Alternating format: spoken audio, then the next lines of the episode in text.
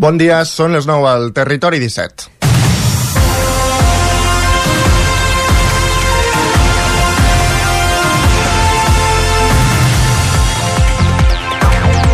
Avui la mascareta torna a ser obligatòria a tots els centres d'atenció primària, als hospitals i als centres sociosanitaris de l'estat espanyol.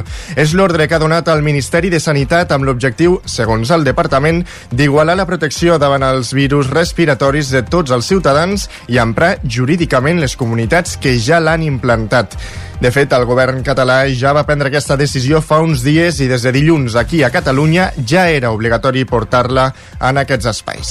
El govern de Pedro Sánchez ha hagut de tirar pel dret després que la reunió entre la ministra de Sanitat Mònica García i els responsables de cada comunitat acabés sense acord sobre l'obligatorietat temporal de la mascareta tot plegat, perquè s'han topat amb l'oposició d'algunes comunitats on governa el PP. La més reticent, de fet, ha sigut Madrid.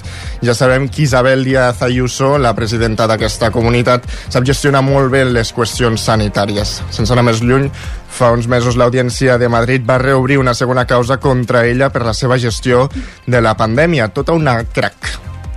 En fi, la situació ara torna a ser complexa. La incidència de la grip s'ha triplicat a Catalunya en les últimes 4 setmanes i ara és de 344 casos per 100.000 habitants.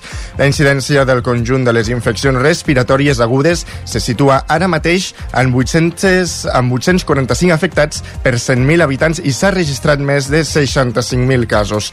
Només han passat 6 mesos que la mascareta va deixar de ser obligatòria després d'haver superat la pandèmia de la Covid-19.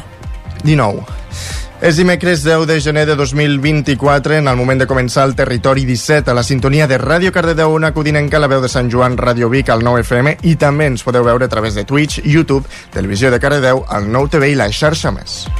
Territori 17.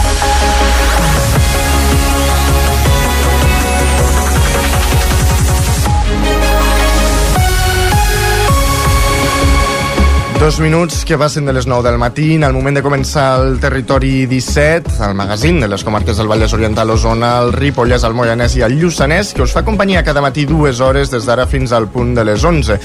Amb quins continguts? Doncs fem un petit sumari. En aquesta primera mitja hora abordarem les notícies més destacades de les nostres comarques, amb connexió amb les emissores que dia, que dia a dia fan possible aquest programa. També farem un cop d'ull al cel amb en Pep Acosta, el nostre home del temps, des d'Ona Codinenca, per avançar-nos la previsió meteorològica i acte seguit anirem fins al quiosc per repassar les portades dels diaris d'avui. A partir de dos quarts de deu pujarem al tren d'Alba amb l'Isaac Muntada recollint la crònica dels oferts usuaris de la línia R3 i a l'entrevista avui parlarem sobre un tema que fa temps que Sant Feliu de Codines arrossega. És el casal codinenc que es va començar a construir fa dècades i encara no s'ha acabat malgrat estar en funcionament. Tindrem en antena Josep Claret, membre de l'entitat del Casal, perquè ara sembla que aquesta situació ha de fer un canvi important. I tot seguit ja sabeu que ens agrada marxar de l'estudi. En aquest cas serà l'Isaac Muntades, de la veu de Sant Joan, que es desplaçarà fins a l'Ajuntament de Camp de Bànol per parlar amb el seu alcalde, Oriol Lázaro, sobre els pressupostos municipals. I un cop arribem a les 10, repassarem les notícies destacades de les nostres comarques, el temps, i serà el torn dels solidaris de Laura Serrat des de Ràdio Vic. Aquesta setmana s'està fent una roda de, uh, de, pels ajuntaments per saber quines polítiques i projectes socials tenen entre mans i avui parlarà precisament amb Débora Díaz, regidora de Benestar Social de l'Ajuntament de Sant Julià de Vilatorta. A dos quarts d'onze serà el torn d'en Guillem Sánchez, que ens portarà algunes piulades de Twitter i després donarem pas al Paraula d'Enfruns, el podcast de llengua de Cristina Enfruns amb companyia d'Isaac Moreno i al territori 17 l'acabarem amb el Lletra Ferits, on Marta Simón, de la llibreria Muntanya de Llibres, ens portarà alguns reptes literaris per aquest 2024. Aquest és el menú del territori 17 d'avui, dimecres 10 de gener de 2024, i comencem a servir-lo ara mateix amb les notícies més destacades de les nostres comarques, les notícies del territori 17, les notícies del Vallès Oriental, Osona, el Ripollès, el Moianès i el Lluçanès. Territori 17.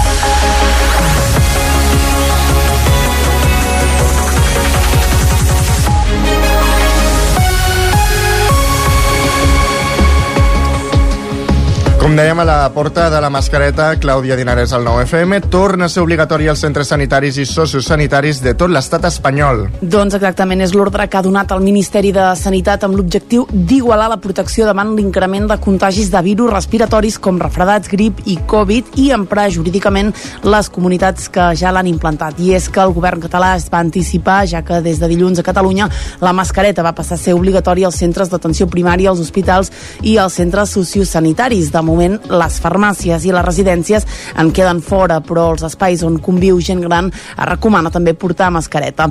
Tot plegat perquè la incidència de la grip s'ha triplicat a Catalunya en les últimes 4 setmanes i ara és de 344 casos per 100.000 habitants. La incidència del conjunt de les infeccions respiratòries agudes se situa ara en 845 afectats per 100.000 habitants i s'han registrat més de 65.000 casos. La mesura, això sí, és temporal. Canvi, Canviem de tema. Adjudiquen la redacció del projecte de millora de la carretera nacional 260 entre Sant Joan de les Abadeses i Ripoll. Isaac Muntades, des de la veu de Sant Joan. El Ministeri de Transports i Mobilitat Sostenible va adjudicar un contracte de serveis per valor de 359.000 euros per la redacció del projecte de condicionament del traçat de la carretera nacional 260 entre Sant Joan de les Abadeses i Ripoll. L'objectiu del contracte és desenvolupar al detall la definició de les variants de traçat en dos trams de la carretera, que es corresponen a dues corbes molt sinuoses i amb secció transversal transversal reduïda, concretament la corba de Ribamala i la de la colònia Lleudet. L'execució de l'obra està previst que tingui un pressupost de 7,5 milions d'euros. L'alcalde de Moviment d'Esquerra, Ramon Roquer, apuntava que feia molts anys que demanaven al Ministeri aquestes millores i fins a la passada legislatura del govern espanyol no es van poder desencallar dos dels grans projectes del municipi, la millora de la carretera nacional 260 i la pacificació i millora d'aquesta via al seu pas per Sant Joan. Així explicava Roquer aquest segon cas. Paral·lelament, a petició del Ministeri, l'Ajuntament estem redactant un projecte sobre la millora de la Nacional al seu pas per al terme per, al, per l'àmbit urbà. I per tant estem redactant un projecte des de l'Ajuntament que anirà des del polígon de Talgat fins a la sortida de la Coromina, un projecte que pretén millorar tot aquest traçat urbà. Com deia, l'Ajuntament sí que estem treballant en aquest projecte, el tindrem redactat en dos o tres mesos, després serà el Ministeri qui aprovarà aquest projecte, qui traurà la visió de les obres i qui tirarà endavant les obres i pagarà el 100% del projecte. Un projecte que preveuen tenir redactat en un parell o tres de mesos. Tornant a la carretera, la millora a la corba de la colònia Lleudet serà entre els punts quilomètrics 104,3 i 104,9 que discorren en paral·lel al riu Ter, on el traçat està condicionat per l'existència d'un meandre al riu i per l'encreuament sobre el torrent de Clarà. Allà el traçat és molt sinuós i hi ha dues corbes de radi reduït. Els carrils de circulació tenen un ample de 3,2 metres i vorals d'un metre. En aquest punt es volen fer unes obres de millora que consisteixen a construir una variant del traçat que permeti adaptar-lo a una velocitat de 50 km per hora i ampliar-ne la secció transversal de manera que es millori la seguretat a la via. A la corba de Ribamala, entre els punts quilomètrics 110,6 i 111,8, també en un punt condicionat pel meandre del Ter amb corbes i contracorbes de radi reduït. Allà la velocitat recomanada és de 40 km per hora. Més enllà del traçat sinuós, la calçada té una amplada inferior a 7 metres i els vorals i vermes són reduïts o inexistents. Aquí es proposen construir dos viaductes de 105 metres de longitud que travessaran el riu. Són obres que s'espera que es puguin fer en els pròxims 3 anys. Caldes de Montbui ja compta amb el primer pis municipal destinat a persones amb diversitat funcional totalment reformat. Roger Rams, Ona Codinenca, Sí, exacte. Bon dia. Aquest dimarts s'ha presentat a Caldes de Montbui la reforma integral del primer pis de titularitat pública que s'ha destinat a persones amb diversitat funcional. El consistori calderí va adquirir aquest immoble, propietat d'un banc, l'any 2022 i ara s'ha rehabilitat totalment. A hores d'ara ja hi resideixen tres persones membres de la Fundació Apindep, amb la previsió que a finals d'aquest mes se n'incorpori una quarta. L'alcalde de Caldes, Isidre Pineda, destaca que aquest projecte és pioner en molts sentits. La veritat és que estem francament emocionats i emocionades de veure on hem arribat amb aquest projecte pilot, un projecte que és francament innovador.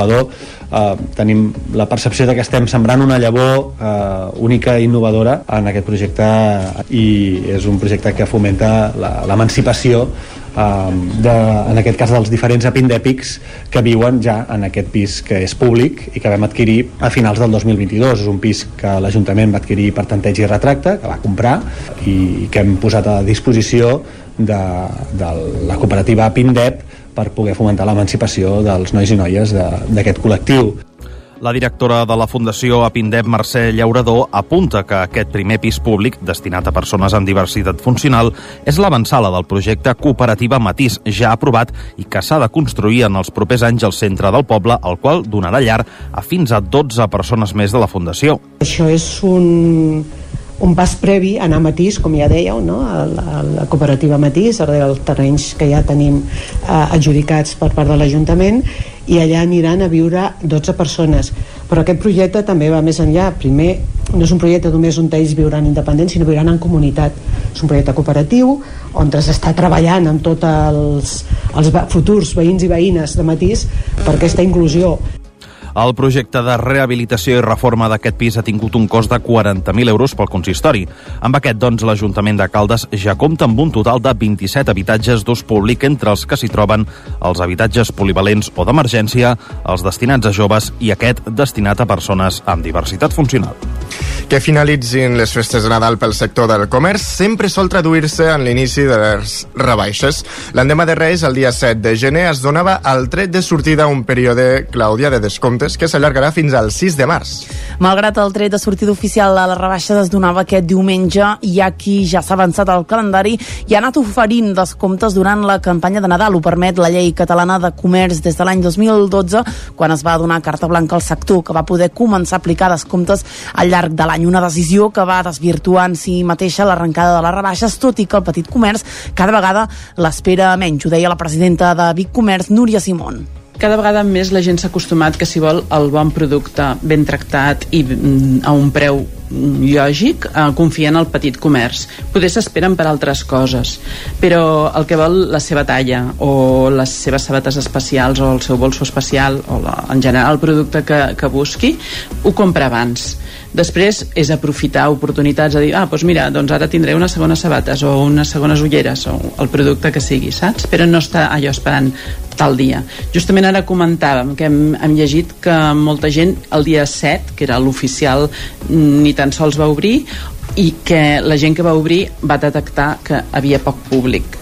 Saber què volem comprar, examinar el producte i comprovar que l'oferta sigui real són algunes de les recomanacions que l'Organització de Consumidors i Usuaris fa perquè el consumidor no s'enganxa els dits. El producte que busques ha de tenir a l'etiqueta el que valia abans i el que val ara i el tant per cent que s'ha rebaixat.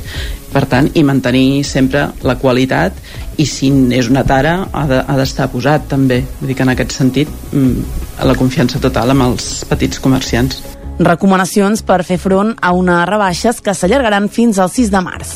En cultura, aquest dissabte 13 de gener, a Fadís s'organitza un concert benèfic a Sant Celoni on hi actuarà el grup Los Buenos Tiempos amb música dels 80 i 90. Ens ho explica l'Enric Rubio de Ràdio Televisió Cardedeu. Així és, Sergi. A Fadis, és a dir, l'Associació de les Famílies amb Discapacitat del Baix Montseny, farà un concert benèfic a la sala Lluís Giró, al Teatre Taneu de Sant Celoni, amb el ja extès sistema de la taquilla inversa. Aquest sistema implica que no hi ha un preu estipulat i que tothom pot pagar el que cregui aportant una quantitat de diners variable. L'associació, la qual és sense ànim de lucre, és fruit de la iniciativa d'un col·lectiu de familiars de nois i noies amb una discapacitat intel·lectual i que va néixer el 2011 amb el propòsit de fomentar la seva inclusió social mitjançant activitats diverses a la comunitat que els envolta. Els pilars i la manera de dur-ho a terme es fonamenten en facilitar les eines necessàries a les persones amb discapacitat intel·lectual perquè s'empoderin i assoleixin el màxim nivell de les seves capacitats per desenvolupar-se en els que, com ells mateixos diuen, són els tres grans àmbits de la vida, ocupació, lleure i llar. Gràcies, Enric. Comença la temporada de tonis. A Osona s'obrirà aquest cap de setmana a Taradell, on van ser pioners pel que fa al protocol de benestar animal, Clàudia. Ho fan incorporant canvis com en els darrers anys, tant per la manca d'animals per estirar carros com per garantir el benestar animal. Així no hi desfilaran un centenar de carros estirats per bestiar, com havia passat alguns anys abans de la pandèmia. En seran una quarantena, encara que n'hi haurà una quarantena més que es podran veure exposats pel poble amb l'objectiu de posar el focus en el patrimoni patrimoni, ho explica Josep Presseguer, president dels Tonis de Taradell. Però no tots aniran enganxats amb animal.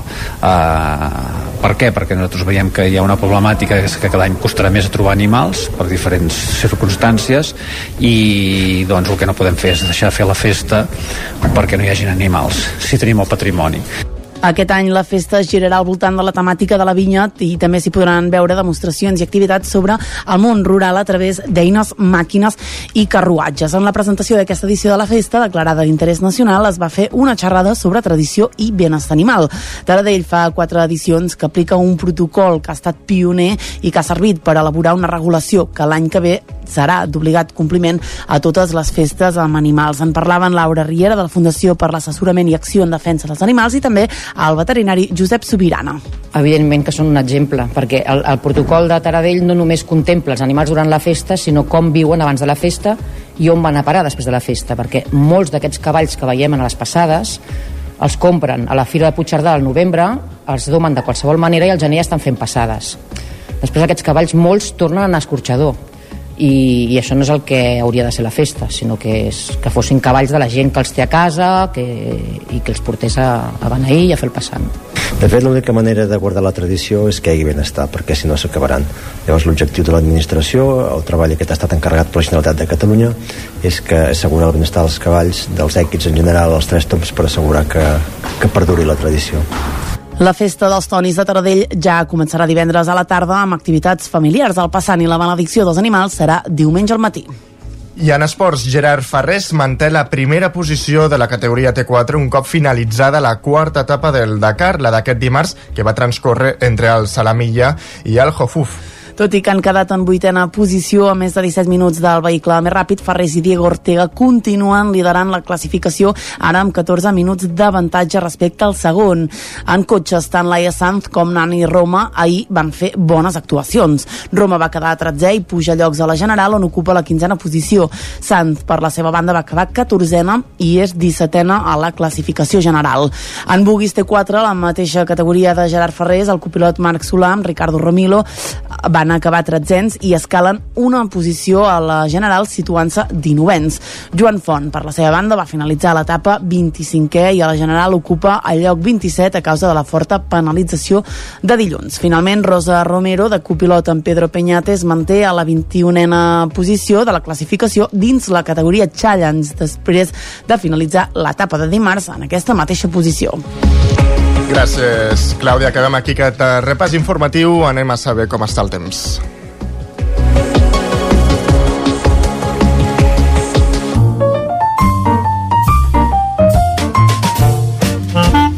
Casa Terradellos us ofereix el temps. Saludem el nostre home del temps, Pep Acosta, d'Ona Codinenca. Bon dia, Pep. Hola, què tal? Molt bon dia. Ja estem aquí a l'espai del temps. Uh, què tal? Com va tot? Espero que la setmana bé, que setmana costa, eh? que setmana tornar a la normalitat. Normalment és bastant dura, i a més amb aquest fred, amb aquest ambient, eh, encara poder es fa eh, una mica més dura. Però bueno, molta gent també ens agrada el fred, eh? A mi m'agrada molt el fred. Eh, per tant, hi ha de tot, com sempre. Comencem el dia avui amb un canvi de temps. Eh, hi ha molts més núvols, la temperatura mínima ha pujat, ha pujat perquè hi ha molts més núvols, això sempre dic que fa com de... és com un matalàs, no, com una manta, perdó, és com una manta eh, que fa que, que la temperatura mínima pugi quan està ennubulat eh, i quan està serè la temperatura mínima sempre és, és més baixa. Per tant, eh, ha començat a pujar temperatura mínima eh, fruit d'aquesta nubulositat que cada vegada és més important de moment eh, cap a casa cap a les comarques no ha plogut, està plovent més al sud de, de casa nostra i de moment no hi han precipitacions al llarg d'aquest matí sí que n'hi pot haver alguna però seran precipitacions d'augment escasses. Uh, aquest matí no seran molt importants. De cara a la tarda vespre és quan el front ens afectarà amb, amb una amb, més amb més intensitat i de cara a la tarda vespre sí que les precipitacions a les dues comarques poden ser bastant generals. Ens afectarà un front atlàntic que està entrant ara mateix pel Cantàbric, ens afectarà i també hi haurà una mica de vents humits de la Mediterrània i això farà que la perturbació d'avui sigui una mica més activa. Però res a veure amb el que es comentava el cap de setmana, que hi hauria una gran llevantada i molta pluja, això res a veure, eh, plourà, però la majoria de pluja entre els 10 i els 20 litres a tot estirar. Poder el Pirineu una mica més de 20 litres. Atenció a la cota de neu, durant el dia d'avui uns 900.000 metres, neu cap, a, cap al Montseny, transversal, Pirineu, parts més altes del Mollanès, i atenció que aquesta nit la cota neu pot baixar 600-700 metres. A partir de 800-900 metres la nevada serà una mica intensa, més de 5-10 centímetres, però eh, per sota d'aquests 700-800 metres la nevada serà tota anecdòtica, quatre focs de neu que en teoria no haurien de, ni d'agafar gairebé a cap superfície. Eh, en total, ja dic, eh, jo crec que uns 10-15 litres, la majoria de precipitacions, eh, potser més de 15 litres cap a sota del Pirineu, i eh, molt benvinguda, serà molt benvinguda, i esperem que els mapes no es compleixin i que plogui més del que hauria de ploure.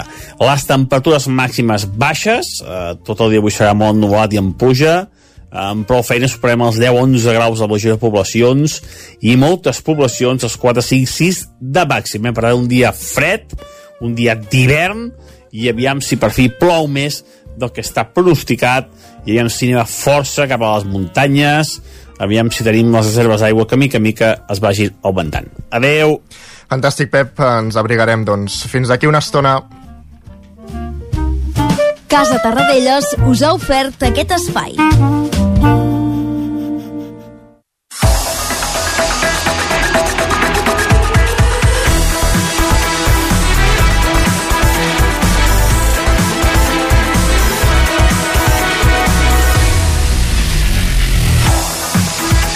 I el que, I el que fem ara al Territori 17 és anar cap al quiosc.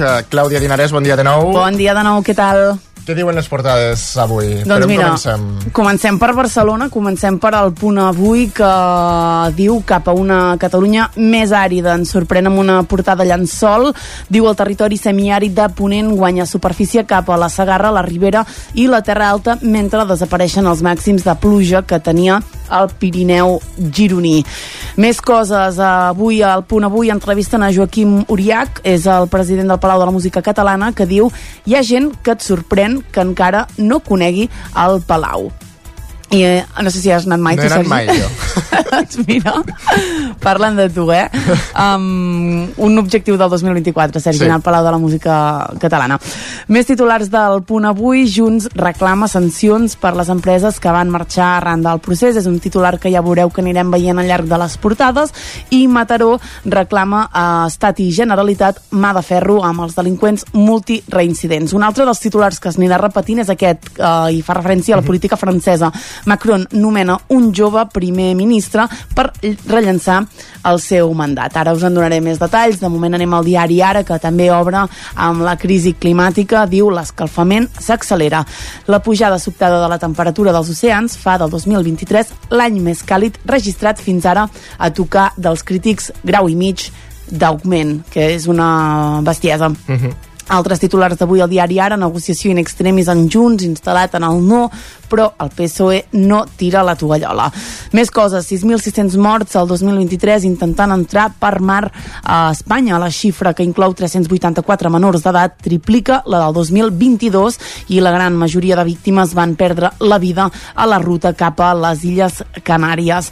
Aquí ens dona més informació de Gabriel Attal, és aquest primer ministre més jove de França, té 34 anys, diu i feia 6 mesos que era el titular d'Educació. Anem avançant, anem al periòdico, que avui entrevista a Xavier Trias, líder municipal de Junts a l'Ajuntament de Barcelona, que diu l'alcaldia seria pel PSC. No hi ha moció de censura viable. Més coses, eh, anem a Galícia, diu l'empremta sinistra dels pèl·lets. Els experts adverteixen que els microresidus de plàstic trigaran centenars d'anys a desaparèixer de les costes gallegues. El govern central eh, és el tema del dia, se la juga avui amb Junts, Sánchez fia als postconvergents l'aprovació dels decrets i negocia la tornada de les empreses. I el pressupost d'educació creixerà un 9% després de l'informe PISA. Acabem les portades catalanes amb l'avantguàrdia que diu Junts estrena la legislatura amb un avís a Sánchez. El partit de Puigdemont preveu votar no als decrets òmnibus i antiinflació del govern central. A la imatge de l'avantguàrdia hi veiem aquesta, diu, arriscada posta de Macron i un últim titular, una acusació d'un fons voltor enfonsa Grífols a la borsa. La companyia nega que hi hagi ocultat el seu deute real i que maquilli els comptes. Va ser una notícia molt comentada eh, ahir Anem cap a Madrid ara, no? Exactament, comencem com sempre amb el país que diu Junts i Podemos pon, posen a prova l'estabilitat de la legislatura. El govern negocia de forma agònica el suport dels independentistes. El PSOE, per la seva banda, estudia incentius fiscals perquè les empreses puguin tornar a Catalunya. Com hem anat veient eh, al país parlen de Gabriel Attal, aquest eh, ministre de 34 anys, com el nen prodigi de França. Obren amb una imatge seva. Eh, encara Espanya, Galícia rectifica, diu, i eleva l'alerta per als pellets. I Grífols, que ho veiem ara fa un moment, s'enfonsa a la borsa després d'una acusació de maquillatge comptable. La cotització cau al 26% per un informe del fons Gotham. Anem avançant ràpidament al Mundo. El govern diu tolera la pressió de Junts a grans empreses i Macron intenta rellençar a França al nombrar a un primer ministre de només uh, 34 anys. Anem a la raó que dius Junts porta Sánchez al límit davant la seva primera votació clau. El PSOE busca com forçar la tornada de les empreses a Catalunya que reclama el seu soci. I acabem, com no podia ser d'altra manera, amb l'ABC que diu el govern no descarta multar les empreses que no tornin a Catalunya per uh, contentar a Junts per Catalunya. Ha pujat una mica el to del titular, eh, a mesura que hem anat avançant. Bueno, és que aquests diaris ja el sabem. Exacte, cadascú diu la seva.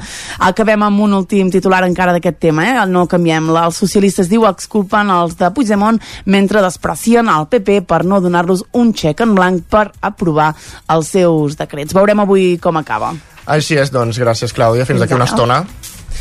Uh, nosaltres uh, continuem al territori 17. Uh, D'aquí una estona parlarem amb uh, Josep uh, Claret, uh, és membre del casal Codinenc, un casal que es va construir fa dècades i encara no s'ha acabat. Parlarem amb ell perquè aquesta situació ha de fer un canvi important i també connectarem amb la veu eh, de Sant Joan, amb l'Isaac Muntades, que s'ha desplaçat eh, fins a l'Ajuntament de Camp de Bànol per parlar amb el seu alcalde, l'Oriol Lázaro, sobre els pressupostos municipals. Tot això, però, serà després de la publicitat. 3 minuts i tornem aquí, al Territori 17.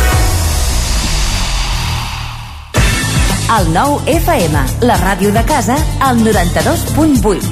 Bon dia, veïna. Com estàs? Com està la teva família? Bon dia, Juanita. Tot bé. I tu? Em fas un favor? Saps on he de llançar aquesta capsa de cartró per reciclar? Oh, i tant. Això va al contenidor blau. És clar, tens raó. Reciclar és massa evident per no fer-ho. Amb vasos de cartró i paper al contenidor blau o al cubell del porta a porta. Generalitat de Catalunya. Sempre endavant. Quan tingui un problema amb la seva caldera, vagi directament a la solució. Truqui sempre al servei tècnic oficial de Saunier Duval i despreocupis, perquè som fabricants i coneixem les nostres calderes peça a peça. I ara aconseguiu fins a 300 euros en canviar la caldera. Informeu-vos al 910 77 10 50 o a saunierduval.es. Cocodril Club. Si t'agrada la bona música dels anys 60, 70 i 80, escolta el 9 FM als matins de dissabtes i diumenges d'11 a 1. És el temps del Cocodril Club, tot un clàssic de la ràdio, amb les bases del pop-rock, les llegendes, les cançons que s'han convertit en autèntics himnes. Recorda, dissabtes i diumenges al matí, d'11 a 1, al 9 FM 92.8. Cocodril Club, el programa revival de l'Albert Malla. Hasta luego, cocodrilo. T'imagines un programa de política, d'economia, feina... Doncs ja te'n pots oblidar. Quin tinglado! Un programa d'entreteniment, actualitat, cultura i molt rigorós. Amb Bata Serrat, Miquel Giol i Eudal Puig. Un programa que no passarà a la història i que tampoc guanyarà cap ondes. No ens flipem. Escolta'l cada dijous en directe de 8 a 9 del vespre al 9 FM. Ai, ai, ai, quin tinglado. L'infopodcast del 9-9 amb Sílvia Pedret. Cada dia et donem les claus de les notícies més rellevants de casa nostra. Vivim en una comarca que s'està demostrant pionera en transició. Desperta't cada dia amb l'infopodcast del 9-9. Aquesta setmana tornen a ser notícia els pantans perquè han baixat... El trobaràs a dos quarts de vuit del matí al 99.cat, Spotify, iVox i, si ho vols, te l'enviem directament al mòbil. Subscriu-te als canals de WhatsApp i Telegram del 99. Soc Sílvia Pedret. Comencem. Cobertes serveis funeraris. Els nostres tanatoris estan ubicats en els nuclis urbans més poblats de la comarca d'Osona per oferir un millor servei. Tanatori de Vic, Tanatori de Manlleu, Tanatori de Centelles i Tanatori de Roda de Ter. Sabem que són moments difícils i per això el nostre compromís és atendre-us en tot moment amb un tracte humà, sensible i respectuós. Cobertes serveis funeraris. Telèfon 24 hores 93 883 23 46. El nou FM, el nou FM, el nou FM, el nou FM. Territori 17.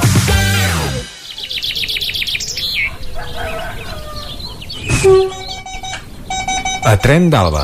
Cada dia els usuaris i usuàries de la línia R3 de Rodalies que veuen sortir el sol des d'un vagó ens expliquen les gràcies i les penes del primer comboi que uneix Ripoll i Barcelona o les feixugues jornades amb el tren després de treballar.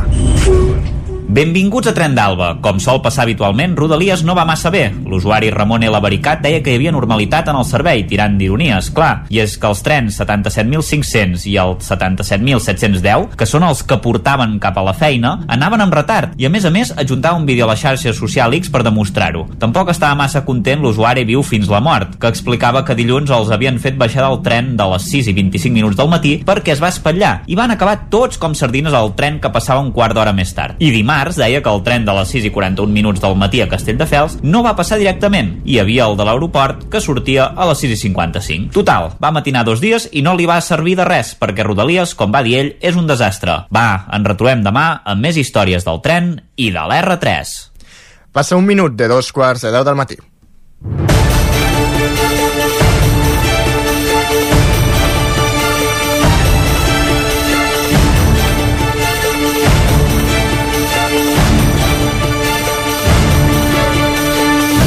I avui a l'entrevista anem cap a una codinenca per abordar un tema que fa molts anys que s'arrossega Sant Feliu de Codines. I és que sembla que ha de fer un canvi important. Es tracta del casal codinenc, un edifici que es va començar a construir fa dècades i, en, i que encara no s'ha acabat malgrat es fa servir. A aquesta hora del matí podem saludar en Josep Canet, membre de l'entitat eh, del casal codinenc, acompanyat d'en Roger Rams, als estudis d'Ona Codinenca. Bon dia. Bon dia, què tal Sergi? Ens sents bé? Us sento bé. Perfecte. Doncs, eh, com deies, eh, comencem aquesta entrevista amb en Josep Canet, secretari del Casal Codinenca, ja ens acompanya aquí a l'estudi 2 d'Ona Codinenca. Josep, què tal? Bon dia, benvingut. Bon dia. Aviam, tema Casal Codinenc, eh? És un tema que ho apuntàvem ara a, a, a, a presentació, que és un tema que mm, s'arrossega llargament, àmpliament, a, aquí a Sant Feliu de Codines des de fa anys, però que ara sembla que s'està començant a, a moure. Primer de tot, eh, per qui no ho conegui, fes-nos 5 cèntims de què és el casal codinenc i de quina és la situació per la qual travessa ara mateix. Bueno, es, explicant molt ràpid, perquè podríem estar-hi hores, vale? el casal neix, és una, un edifici que es comença l'any 74, o sigui que aquest any farà 20, 50 anys que es va començar, de la mà d'un mossèn, perquè en aquella època l'església era qui musculava el, el teixit associatiu, val? de la mà d'un mossèn que en veure que el local que es feia servir al poble era fins i tot insalubre, va empènyer a fer un local nou que fos ell va dir sempre que fos bas d'entitats per allò que deien abans perquè el jovent no s'escarri vale? en si continua sent el mateix ara ho, ho, ho toquem diferent, diguéssim, no? O sigui, el, els matisos són diferents, vale? I, i clar, l'objectiu és el mateix. El que passa que això, aquest mossèn mor al cap de, 5, de 7 anys d'haver començat l'obra i que si no l'hagués acabada, perquè aquell home en sabia un rato, val? i deixa el casal sense pare ni mare. Això passa 30 anys amb un contracte de cessió de, del propietari, en aquest cas, que és la parròquia barra bisbat, cap a, una, cap a l'associació Casal Cultural Codinenc, aquest bas que dèiem, vale? i això caduca fa 8 anys. Uh -huh. A partir d'aquí som ocupes. perquè quan no hi ha contracte de lloguer, no, no hi ha res, l'edifici no està acabat, i no, nosaltres no veiem cap més sortida que no sigui que l'administració pública s'hi fiqui pel mig, que és qui actualment muscula el teixit associatiu. Mm -hmm. Tot seguit eh, abordarem no, aquests, eh, aquestes possibles futures compres. Primer de tot, un dels primers passos a fer, potser fins i tot el primer pas a fer, és, com deies, materialitzar la compra al Bisbat de Vic, que és actualment el propietari, Exacte. i que ara sembla que es, bueno, sembla no, es mostra, no? Bueno, matitzem que el propietari és la parròquia de Sant Feliu de Codines, però mm. evidentment la parròquia de Sant Feliu de Codines no farà res sense l'autorització del Bisbat de Vic. Per vale? tant... O sigui, és, és important matitzar-ho perquè el que a vegades dius ostres, anem a donar diners o anem a donar un terreny o anem a, anar al bisbe no, això es queda a Sant Feliu és de la parròquia de Sant Feliu vale?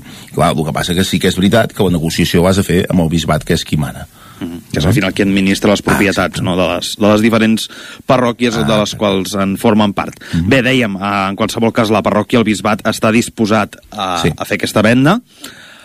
Heu parlat de preus? A veure, el bisbat, eh, l'església, l'església jo dic sempre que, que és, és de tractar, mm, és complex a l'hora de tractar-hi, vale? perquè es, es mouen en molts nivells, en moltes, en moltes facetes, val? ells posar preu no en posen, val? ells diuen que no volen especular, perquè entenen que això és un, que l'edifici s'ha fet um, passeta a passeta o euro a euro amb la col·laboració de tot el poble, vale? no volen especular però tampoc volen descapitalitzar la parròquia.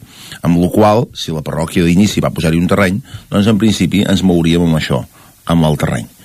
Que el que ells proposen també és fer una permuta de terreny, vale? amb l'Ajuntament, si pot ser, clar, i eh, a partir d'aquí la propietat ja passaria a l'Ajuntament. -hmm. També és una forma, suposo, que és de desdibuixar també una mica aquest valor, de dir, eh, compro, uh, pago... Exacte, no? vale? Vull dir, també volen aviam, el, el bisbat no volen sortir-ne d'aquí com a villans, ni, vull dir, perquè, esclar, al final l'Església és, és conscient de que avui en dia més d'una vegada amb aquests temes uh, i, té, i té molta part de l'opinió en contra, de l'opinió mm. pública, vale?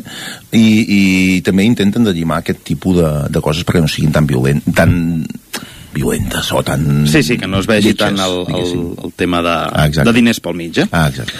Uh, ara apuntaves, uh, Josep, secretari del Casal Codinenc, que potser eh, el que hauria de passar és que l'Ajuntament se'n fes càrrec. Exacte. Què és el que hauria de passar per poder comprar-lo? A veure, d'entrada l'Ajuntament tindria de valorar si pot fer aquesta permuta o no, o si no, um, si no doncs, apostar per una compra directa, perquè és esclar, el que és l'entitat no generarà mai els diners la cultura, i almenys la cultura popular, no genera diners.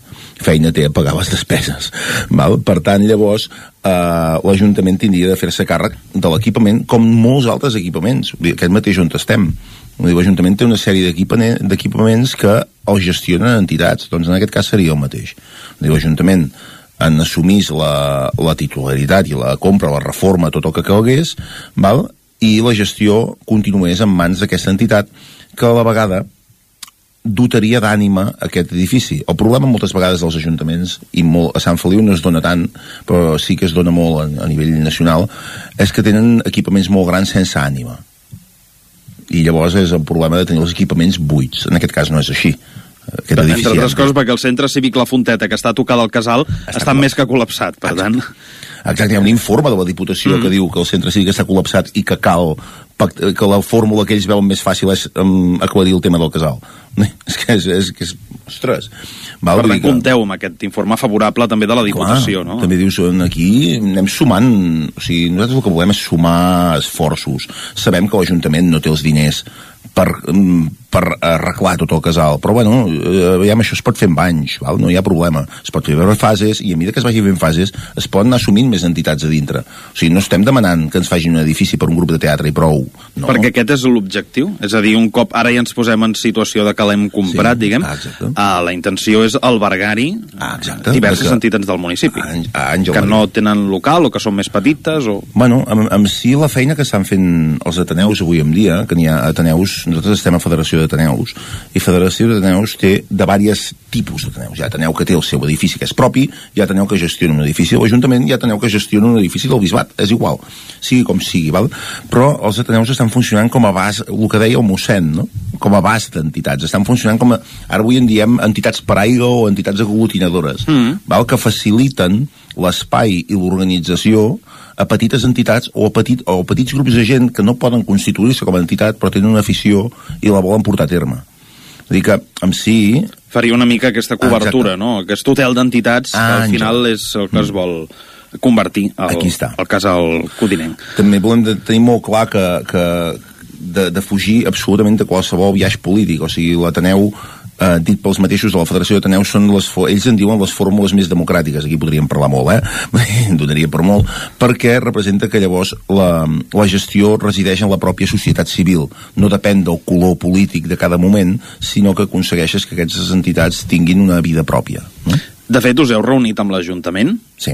Heu fet una reunió o vàries? Va, portem uh -huh. reunions per parts, amb, amb, amb, amb, per grups polítics, portem reunions generals amb des, tothom, de, portem de tot.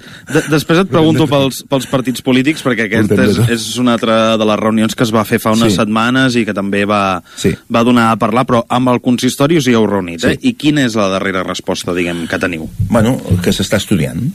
La darrera resposta és que hi ha la, que hi ha la, la predisposició a que les entitats que residim allà dintre no ens quedem sense espai, vale? la predisposició de dir mirem-ho i a veure si ho fem viable, vull dir, i s'està estudiant, bàsicament. Uh -huh. Com deies, eh, fa unes setmanes us vau reunir també amb tots els grups polítics del consistori de Sant Feliu per, suposo que, mm, conèixer una mica si realment el poble i sí. les forces polítiques i etc hi aposten o no. Exacte. Nosaltres el que busquem és el consens. O sigui, la pròpia Junta del Casal som, som una amalgama de gent que venim de diversos, puestos i, i et puc dir que de la Junta actual i dels que estan i de la gent que ara són equips de treball i que seran junta amb, a, la que, a la que legalment puguem, vale? És molt divers, o sigui, cadascú vota el que li passa el que li passa pel cap, és igual, no, no ens hem mirat mai el color polític de ningú. I volem que sigui això, que sigui de consens que sigui un tema de poble, de tots que tothom hi pugui estar d'acord i que tothom hi pugui estar còmode aportant l'esforç que pugui. Els partits que tenen representació supermunicipal puguin anar mm, tranquil·lament a demanar eh, suport a d'altres administracions. Vull dir, que no sigui una cosa partidista sinó que sigui molt de consens. Uh -huh.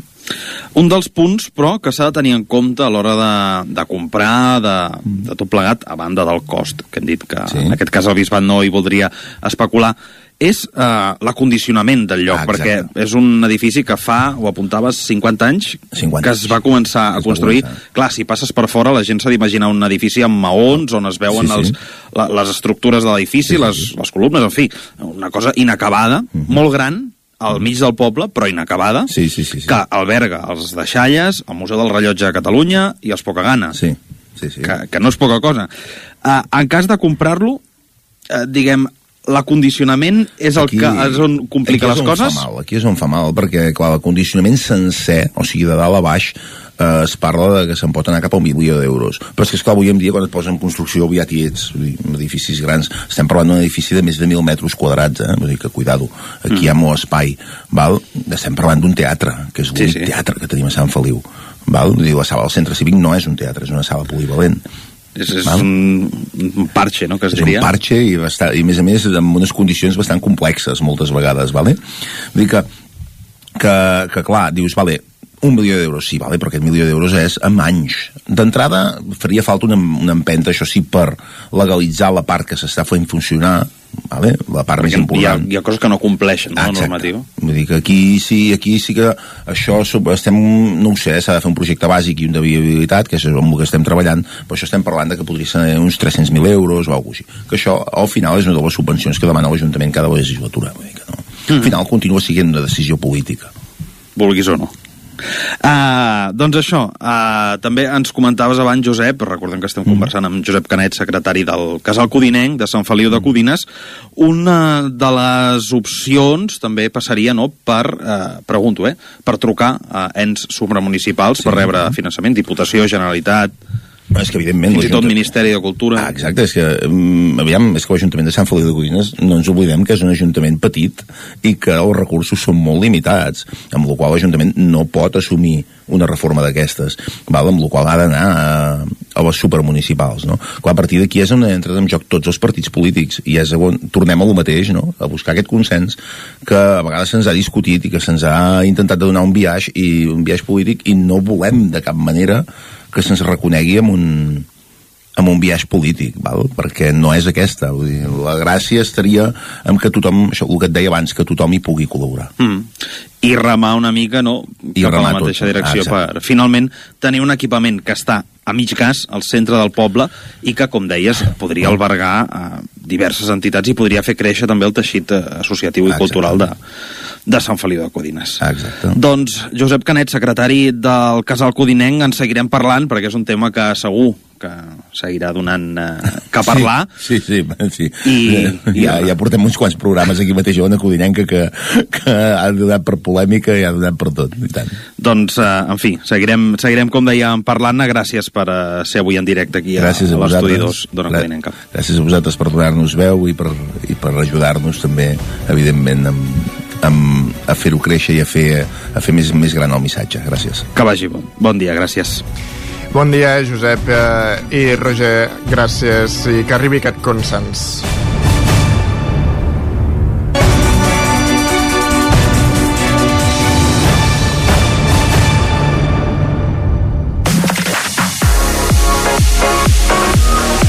Territori 17.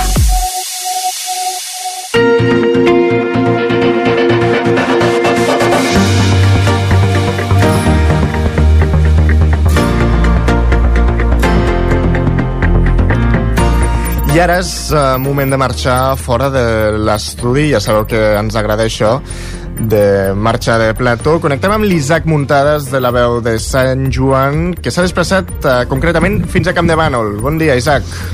Bon dia, Sergi. Doncs sí, mira, avui ens trobem aquí a l'Ajuntament de Can de Bànol amb el seu alcalde, l'Oriol Lázaro, amb qui volem parlar de, de pressupostos.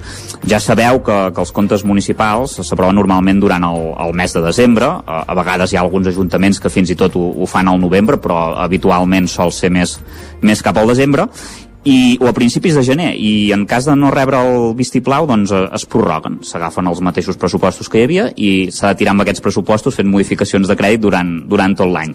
Uh, per exemple en el cas de, de Ripoll no s'han aprovat de moment perquè encara no s'han portat a votació i una mica com està anant el mandat té pinta que en principi no, no tiraran endavant.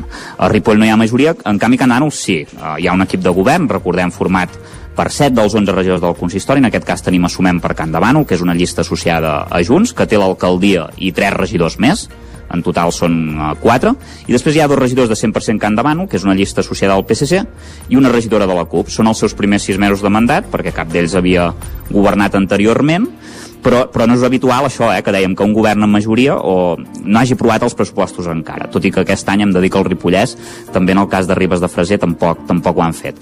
Va, ne- sense més dilacions, saludem el seu alcalde, bon dia, Oriol Lázaro, i moltes gràcies pel ser al Territori 17 amb nosaltres. Molt bon dia. Uh, per començar, alcalde, té una explicació que encara no s'hagin aprovat els comptes municipals, oi? Em sembla que es, el, el fet és que es vol obrir més a la ciutadania d'alguna manera. Sí, en part sí, hi ha, hi ha diferents factors. Un que, com bé has dit, tot, tots els regidors, tot l'equip som nous i, per tant, eh, agafem de nou aquesta tasca que no havíem fet mai i vulguis o no, això sempre et comporta una mica d'endarreriment. A banda d'això, eh, en uns pressupostos és on, on tu marques la, la teva política, les teves intencions i al final política vol dir mm, decidir allà on poses els diners. Això és fer pressupostos. I com que nosaltres, eh, com a equip nou, també, no tan sols nosaltres, sinó tots els, eh, els membres de govern, eh, em refereixo als altres dos eh, grups parlamentaris que hi tenim, que és socialistes i la CUP, doncs en els nostres eh, programes electorals portàvem idees, portàvem eh, propostes de canvi en quant a maneres de fer, i aquestes propostes de canvi s'han de poder plasmar en el pressupost. Això ens està portant una mica de temps en quant a revisió de totes les partides, eh, cada partida, a veure, no, no, no tan sols el, la quantitat monetària, sinó també a què va destinada, i tot aquest repàs, tota aquesta feina ens està, se'ns està allargant una mica, però perquè tenim ganes de fer-ho bé i fer-ho de manera conscient i, i no fer un corta i pega dels anys anteriors que era una de les coses que havíem criticat nosaltres anteriorment. Mm -hmm. ara, ara fora de micro comentàvem això, eh, que hi ha ajuntaments que fins i tot canviant el color de, de polític del govern fan això, eh, fan una còpia i enganxa de, de l'anterior pressupost i a vegades és una mica continuista. Uh, hi haurà una part d'aquests pressupostos que, que es volen fer participatius, en certa manera. Això encara no s'havia dut a terme mai aquí a Can Demànol, és, és estrany perquè, per exemple, doncs, municipis com Ribes de Freser, Ripoll o Sant Joan dels Vallès han fet pressupostos participatius a, en els últims anys. Aquí no, no havia estat el cas.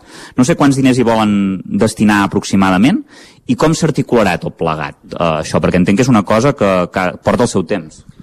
Sí, evidentment, eh, porta el seu temps primer eh, veure d'on rascarem els diners, però, però ja està fet. Eh, volem posar-hi un mínim, un mínim de 15.000 i si podem enganxar-ne més millor, perquè amb 15.000 realment eh, fas un projectet petitó, però almenys ja és un, una primera passa, una primera obertura a dir, escolteu, va, eh, veïns del poble, què estem prioritzant? No?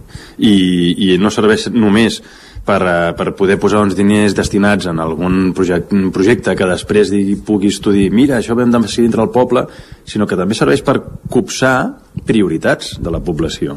Que aquesta també és una de les nostres intencions estar sempre molt oberts a escoltar què cal, què volem, què és allò que, que la població necessita com a prioritat. No tan sols dir mira, doncs m'agradaria, no, no, és, és que és prioritat no? doncs uh, aquesta és la intenció. I posar-hi aquests diners per fer realitat allò que després anem, anem fent la consulta.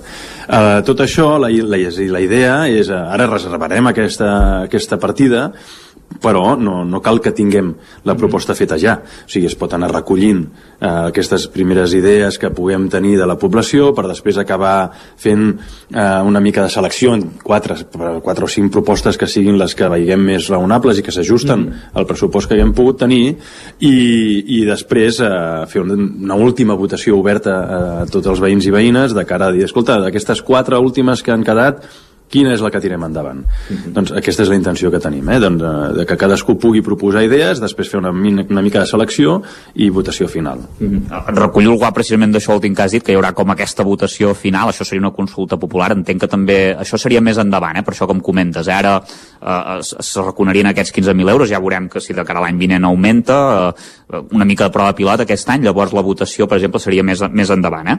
Exacte. El, el que el que ens hem proposat és mm, treballar bé, no lents, però sí bé. Això vol dir que sense presses, i vol dir sense saltar-nos passes, sense saltar-nos passes, i vol dir planificant bé. Per això no ens estem posant el pressing d'haver aprovat els pressupostos a desembre, perquè volem fer-ho bé. I volem fer-ho sense pressa, sense pausa, però sense pressa, revisant-ho tot. Doncs aquí una mica estem en el mateix punt. Escolta, fem-ho bé, i potser estem anant tard a obrir la consulta perquè aleshores no... Sap no tenim, bueno, no ens posem aquesta pressió afegida, uh mhm. -huh. sinó que, escolta, fem-ho bé, evidentment eh, no ens hem d'allargar en el temps i, i hem de poder votar-ho i aprovar-ho de manera que es pugui fer dins del 24, si no estaríem, eh, o, o si més no començar-ho dintre del 24. Però, però fer, fer bé les coses i ja el que sí estem aprenent molt de cara a planificar quan haguem de treballar de cara al 25. Mm -hmm. Aleshores sí que jo, el meu desig és eh, poder-ho fer tot amb més temps i molt més ben planificat. Mm -hmm. uh, amb l'oposició, evidentment, encara els heu de plantejar una mica aquests pressupostos, però amb ells heu parlat del tema això d'explicar-los, mira, hem prorrogat això perquè nosaltres volem fer-ho fer, -ho, en temps. Entenc què us han dit? Estan d'acord amb aquesta situació o pensen no, no, ja hauríeu de tenir fet? Quina és la seva posició? Bé, nosaltres amb l'oposició sí que els hi vam... Ells van expressar el seu neguit de dir, escolta, ens estem acostant a finals d'any, no ens heu passat els pressupostos i volem dir-hi la nostra.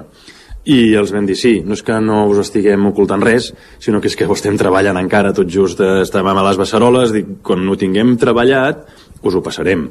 I us donarem temps perquè ens pugueu fer un retorn i que pugueu posar, plantejar esmenes de cara que nosaltres, si les veiem raonables, doncs, escolta, s'incorporen perfectament i ja està. I, I que sigui uns pressupostos molt plurals.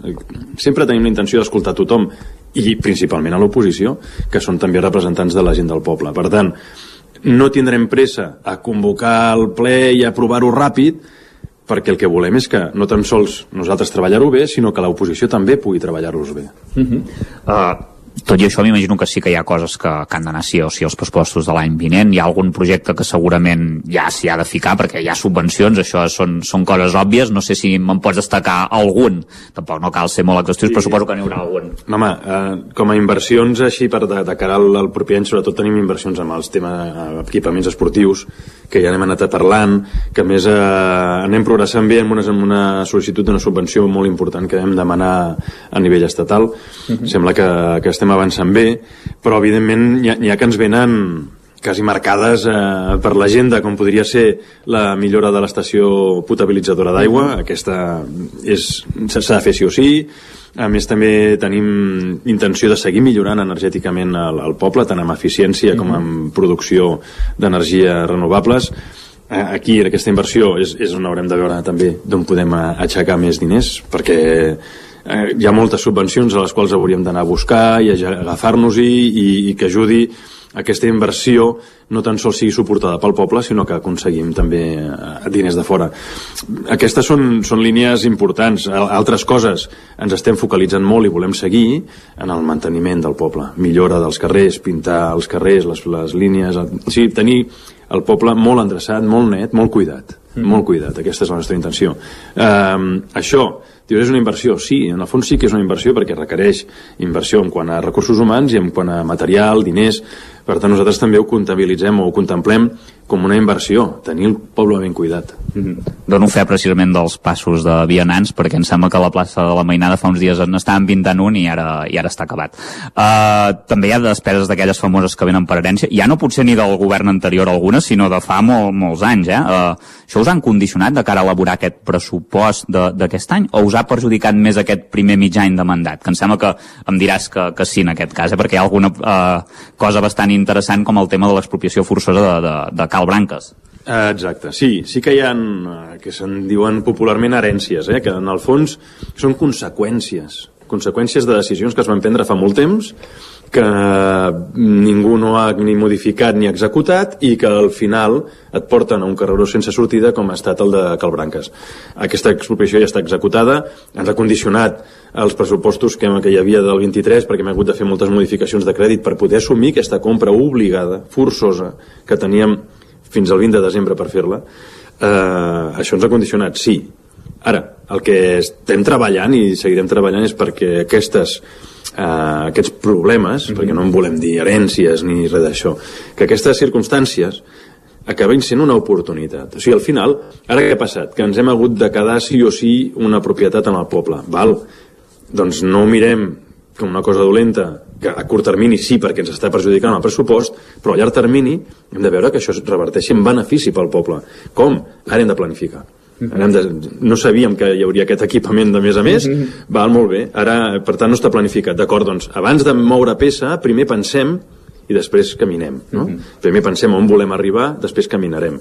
Altres coses que són conseqüència d'aquest planejament que arrosseguem de fa molts anys? Sí, n'hi han. Hi ha, hi ha una primera expropiació que ja estava aparaulada per l'any anterior, que l'hem passat a, a, a aquest... O sigui, estava aparaulada pel 23, vam parlar amb els propietaris i vam acordar ajornar-ho i passar-ho al 24. Mm, per tant, serà una expropiació que s'ha d'afrontar i això ens, ens està mm, condicionant el que són inversions, evidentment, perquè haurem d'anar a buscar crèdit per poder afrontar aquesta expropiació. Ara, tornem a estar amb el això vol dir que tindrem més sol públic en el qual hi podrem projectar coses a futur. Hem de sempre anar a buscar aquesta lectura positiva uh mhm. -huh. que en el fons el que està fent també és obligar-nos a treballar més i millor. Uh mhm. -huh. Ràpidament, per anar acabant, eh, alcalde, la pregunta del milió. Uh, sé que no ho voldràs dir, m'imagino, però hi ha, hi ha data un període de temps en què el pressupost es, es portarà a votació? Sí que algun termini us heu marcat, eh? Sí, amb el termini seria dins del, de la propera convocatòria de, de ple ordinari com a tard Val? Si tinguéssim abans faríem un extraordinari si calgués. Però això vol dir que eh, al febrer eh, ho hem de tenir. Ha de ser-hi. Crec que tenim temps per fer les coses ben fetes i seguir les passes que hem anat explicant. Perfecte, doncs moltes gràcies a Oriol Lázaro, alcalde de Candano, per explicar-nos una mica doncs, detalladament quan es portarà a terme aquest pressupost eh, municipal per aquest any 2024, que també n'has parlat una mica de, de les inversions, que també és una cosa que segurament als ciutadans els interessa molt i que seran més participatius que, que mai en aquest cas. Moltes gràcies per ser al Territori 17. Gràcies a vosaltres. Doncs gràcies, Isaac, gràcies, Oriol. Estarem a l'espera de l'aprovació d'aquest pressupost.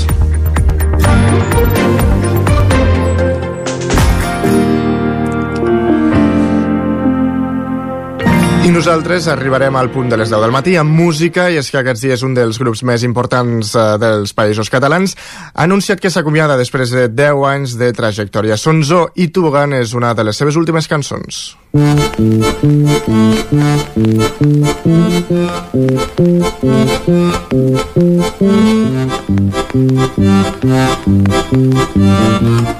Dins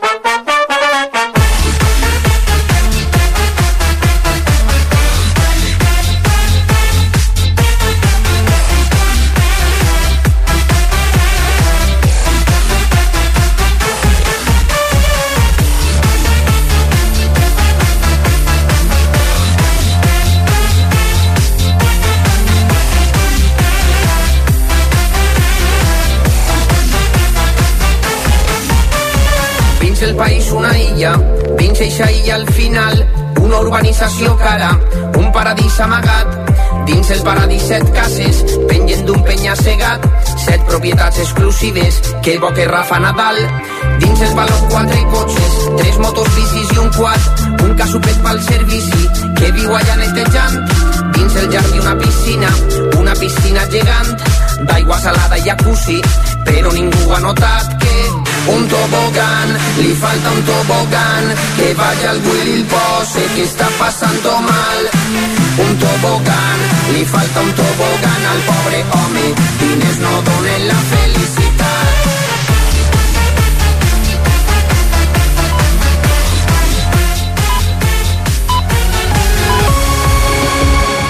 I és moment d'actualitzar-nos amb les notícies de les nostres comarques. Com us hem explicat al llarg d'aquest uh, programa, la mascareta torna a ser obligatòria als centres sanitaris i sociosanitaris de tot l'estat espanyol. Clàudia Dinarès, al 9FM. Exactament, és l'ordre que ha donat el Ministeri de Sanitat amb l'objectiu d'igualar la protecció davant l'increment de contagis de virus respiratoris com refredats, grip i Covid-19 i emprar així jurídicament les comunitats que ja l'han implantat. I és que el govern català es, es va anticipar, ja que des de dilluns a Catalunya la mascareta va passar a ser obligatòria als centres d'atenció primària, als hospitals i també als centres sociosanitaris. De moment les farmàcies i les residències en queden fora, però els espais on conviu gent gran es recomana també portar mascareta. Tot plegat perquè la incidència de la grip s'ha triplicat a Catalunya en les últimes 4 setmanes i ara és de 344 casos per 100.000 habitants. La incidència del conjunt de les infeccions respiratòries agudes se situa ara mateix amb 845 afectats per 100.000 habitants i s'han registrat més de 65.000 casos. La mesura, això sí, és temporal. Canviem de tema. L'Ajuntament de Sant Feliu de Codines atribueix les acumulacions de deixalles als carrers per festes a una manca de seguiment del calendari de recollida selectiva. Roger Ram, zona codinenca. Sí, exacte. Amb el final de les festes de Nadal, el servei de recollida selectiva Porta a Porta a Sant Feliu de Codines ha recuperat el seu calendari habitual. Ho fa després d'alguns canvis que s'han aplicat per complir amb el descans dels treballadors del servei i que han modificat la recollida habitual. Aquest fet s'ha traslladat als carrers de Sant Feliu amb algunes acumulacions puntuals de residus, sobretot de rebuig, ja que està la fracció de la qual més s'ha reduït la recollida, malgrat els diversos avisos que es van fer arribar a totes les llars. La regidora de Logística, Maria Tura, apunta que no l'han sorprès els incompliments del calendari, ja que aquests són una constant al llarg de l'any. Quan s'apropen les festes hi ha moltes variables que hem de tenir en compte, com el 24 al 31, que és un dia festiu pels treballadors de la recollida selectiva, i bé, vam intentar adaptar-lo a les necessitats que nosaltres vam considerar. No ha sigut una sorpresa que hi hagin alguns dies que no s'hagi respectat. Per què? Perquè al final nosaltres cada dia tenim un tercer camió que està recollint totes les incidències, que al final no acaben sent incidències, sinó hàbits normals que té molts, o que tenen molts ciutadans i molts comerços de Sant Feliu, i és treure les escombraries simplement pel matí en funció del que ells consideren. No respecten el calendari i això doncs, potser sí que s'ha vist um, accentuat en dos dies que van ser els dos dies que no es va recollir escombraries, doncs perquè ells les havien de treure i es van treure. Pel que fa a la reducció de la fracció de rebuig, la regidora de Logística explica que aquest és un dels objectius del consistori per aquest 2024, ja que una reducció del volum de rebuig implicaria també una reducció dels costos que se'n deriven. Que és complicat reciclar, sí, que és complicat que tothom ho respecti, també, i en, i en això estem. Bàsicament, no és que hagi sigut una prova, sinó simplement és que el calendari havia de ser d'aquesta manera, per als recursos que tenim i la logística que tenim, que s'ha de millorar, evidentment, i que això serà un procés llarg. El fet de reeducar eh, amb, el, bueno, amb aquest aspecte, amb el de reciclar, intentar treure la fracció que toca cada dia, doncs és feina que tenim per endavant i, i estem convençuts que acabarà funcionant perquè ha de ser, bueno, ha de ser l'objectiu de tot un poble, no? reciclar el màxim possible per estalviar el màxim possible. Des del consistori, a més, recorden que a partir de l'any vinent, el 2025, el rebut de la recollida de deixalles ha de cobrir el 100% dels costos que aquesta té, un fet que pot encarir els rebuts si no milloren les xifres de reciclatge. Gràcies, Roger. Que finalitzin les festes de Nadal pel sector del comerç sempre sol traduir-se en l'inici de les rebaixes. L'endemà de Reis, el dia 7 de gener, es donava el tret de sortida a un període de descomptes que s'allargarà, Clàudia, fins al 6 de març. Malgrat el tret de sortida oficial a les rebaixes es donava aquest diumenge, hi ha qui s'ha avançat al calendari i ja ha anat oferint descomptes durant la campanya de Nadal. Ho permet la llei catalana de comerç des de l'any 2012, quan es va donar carta blanca al sector, que va poder començar a aplicar descomptes al llarg de l'any. Una decisió que va desvirtuar en si mateixa l'arrencada de les rebaixes, tot i que el petit comerç cada vegada espera menys aquest període de l'any. Ho explica la presidenta de Vic Comerç, Núria Simón. Cada vegada més la gent s'ha acostumat que si vol el bon producte ben tractat i mm, a un preu lògic, eh, confia en el petit comerç. Poder s'esperen per altres coses, però el que vol la seva talla o les seves sabates especials o el seu bolso especial o la, en general el producte que, que busqui, ho compra abans. Després és aprofitar oportunitats a dir, ah, doncs mira, doncs ara tindré unes segones sabates o unes segones ulleres o el producte que sigui, saps? Però no està allò esperant tal dia. Justament ara comentàvem que hem, hem llegit que molta gent el dia 7, que era l'oficial, ni tan sols va obrir i que la gent que va obrir va detectar que havia poc públic Saber què volem comprar, examinar el producte i comprovar que l'oferta sigui real són algunes de les recomanacions que l'Organització de Consumidors i Usuaris fa perquè el consumidor no s'enganxi els dits. El producte que busques ha de tenir a l'etiqueta el que valia abans i el que val ara i el tant per cent que s'ha rebaixat. Per tant, i mantenir sempre la qualitat i si és una tara ha d'estar de, posat també. Vull dir que en aquest sentit mm, la confiança total amb els petits comerciants recomanacions per fer front a unes rebaixes que s'allargaran fins al 6 de març. Tal i com vau poder escoltar a l'entrevista d'ahir, torna la plec de Sant Hilari de Cardedeu. Ens ho explica l'Enric Rubio de Radio Televisió Cardedeu. Així és, Sergi, aquest diumenge 14 de gener tornen les sardanes, les fogueres i els àpats a Sant Hilari. Com és tradicional, el segon diumenge del mes de gener es celebra aquest aplec que data, com a mínim, del 1400 i escaig, i és un dels actes més populars i entranyables i esperats pels cardedeuencs i cardedeuenques. L'accés pel camí principal serà com l'any passat, exclusiu per a persones i bicicletes, a partir de les 9 del matí i fins a les 6 de la tarda. S'iniciarà, com es fa habitualment, des del carrer Turó de la Penya fins a les Vinyes. Un cop allà, es seguirà cap al camí nou de Can Volar. L'itinerari dels vehicles serà per la carretera de Cànoves, fins a arribar a la rotonda del PK2. Allà aniran cap a Can Siló per enfilar el camí habitual.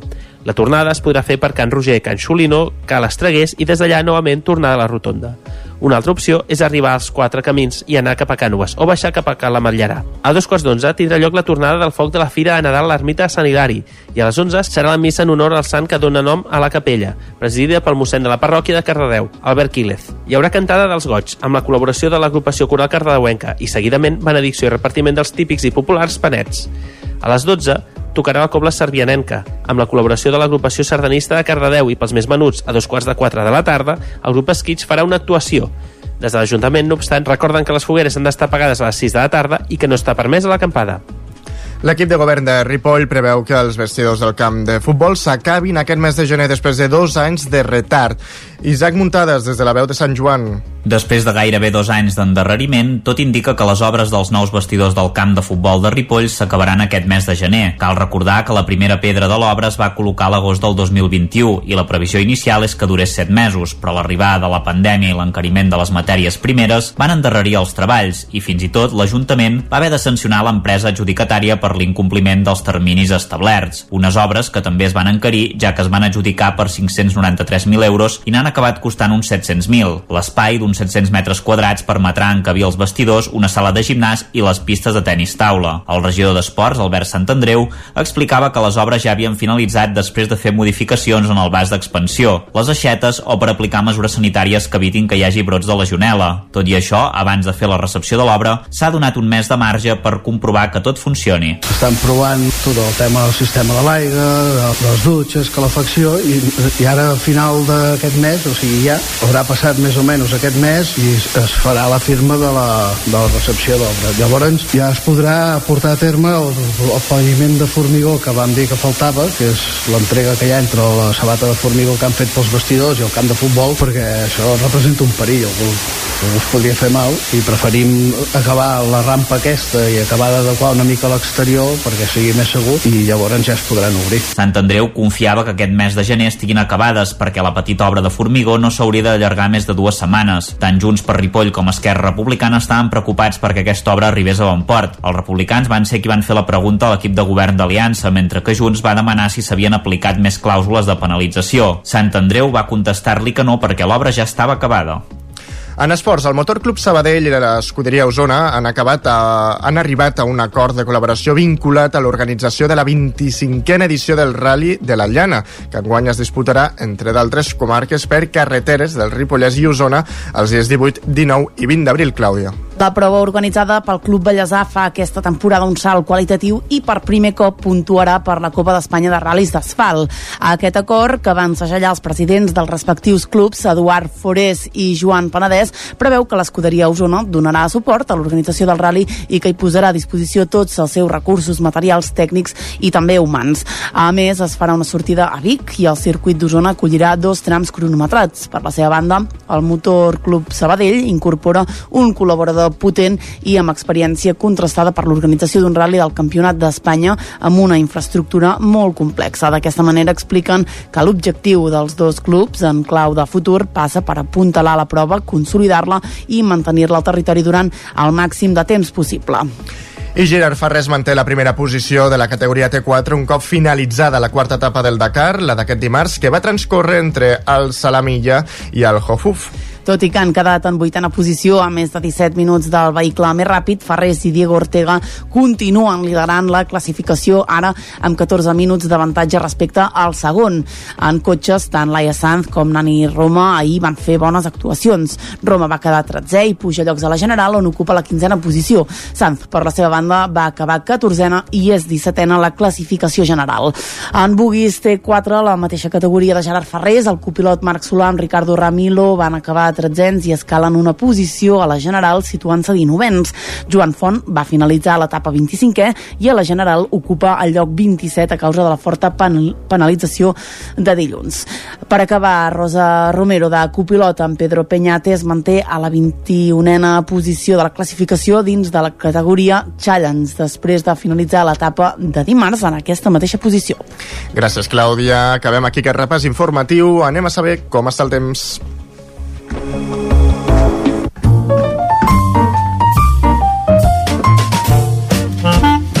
Casa Terradellos us ofereix el temps. Saludem de nou al nostre home del temps, en Pep Acosta. Tornem a una codinenca. Bon dia de nou, Pep. Hola, comencem el dia avui amb un canvi de temps. Uh, hi ha molts més núvols. La temperatura mínima ha pujat, ha pujat perquè hi ha molts més núvols, això sempre dic que fa com de... és com un matalàs, no, com una manta, perdó, és com una manta eh, que fa que, que la temperatura mínima pugi quan està ennubulat eh, i quan està serè la temperatura mínima sempre és, és més baixa. Per tant, eh, ha començat a pujar temperatura mínima eh, fruit d'aquesta nubulositat que cada vegada és més important de moment eh, cap a casa, cap a les comarques, no ha plogut, està plovent més al sud de, de casa nostra, i de moment no hi han precipitacions. Al llarg d'aquest matí sí que n'hi pot haver alguna, de cara a la tarda vespre és quan el front ens afectarà eh, amb més intensitat i de cara a la tarda vespre sí que les precipitacions a les nostres comarques poden ser bastant generals ens afectarà un front atlàntic que està entrant ara mateix pel Cantàbric i també hi haurà una mica de vents humits de la Mediterrània i això farà que la perturbació d'avui sigui una mica més activa.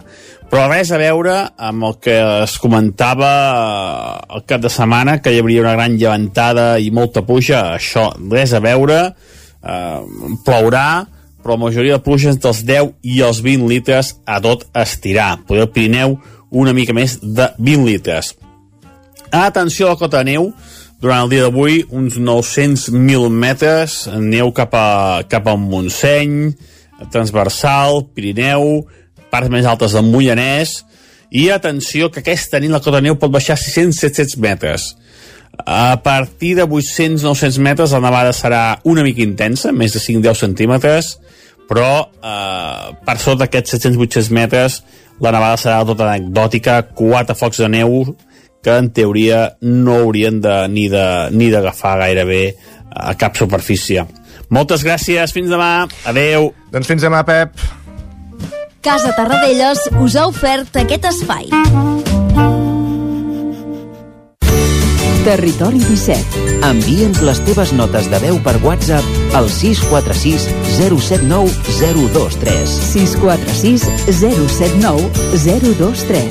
WhatsApp Territori 17.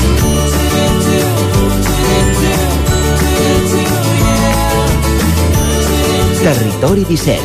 Som a Facebook, Twitter i Instagram amb l'usuari Territori 17.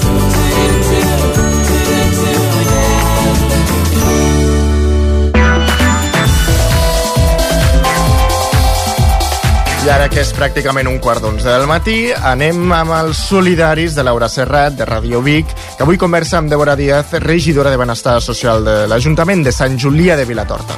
Aquesta setmana és el torn d'apropar-nos als ajuntaments de la comarca i conversar sobre les seves polítiques i projectes socials. Avui ens desplacem a Sant Julià de Vilatorta, on, de la mà de Débora Díaz, regidora de Benestar Social i gent gran del municipi, parlem sobre els plans previstos al llarg d'aquest mandat. Ho fem, com sempre, des de Ràdio Vic i a través de l'antena del Territori 17. Abans de res, ens pot fer 5 cèntims sobre la seva trajectòria professional fins a arribar al consistori? Vaig estudiar informàtica, encara que no he exercit, no m'ha agradat. Llavors vaig estar amb el món administratiu, atenció al públic és el que més, és el que més he tocat, administració d'empreses, i abans d'arribar al consistori doncs vaig estar treballant just al casal d'avis d'aquí Sant Julià. Encara que sóc mare i que tinc tres canalles, la gent gran sempre, sempre m'ha agradat perquè bueno, he tingut un vincle i tinc un vincle molt especial amb els meus avis, que encara tinc una àvia que és viva. Llavors m'ho van proposar, un grup de gent doncs, el qual ja coneixia, em vaig engrescar perquè em va fer molta il·lusió doncs, tot el programa, tot el projecte que portàvem i la il·lusió amb el qual vam fer tota la campanya electoral. És el meu primer mandat. Per tant, quines han estat les primeres accions que ha pres en el sector social des que va assumir el càrrec? Hem ampliat l'horari del centre de dia, que moltes famílies doncs, necessitaven que el centre, en comptes d'obrir a les 9, es pogués obrir a tres quarts de 9 per poder deixar el tàbit i llavors ens podem marxar a treballar.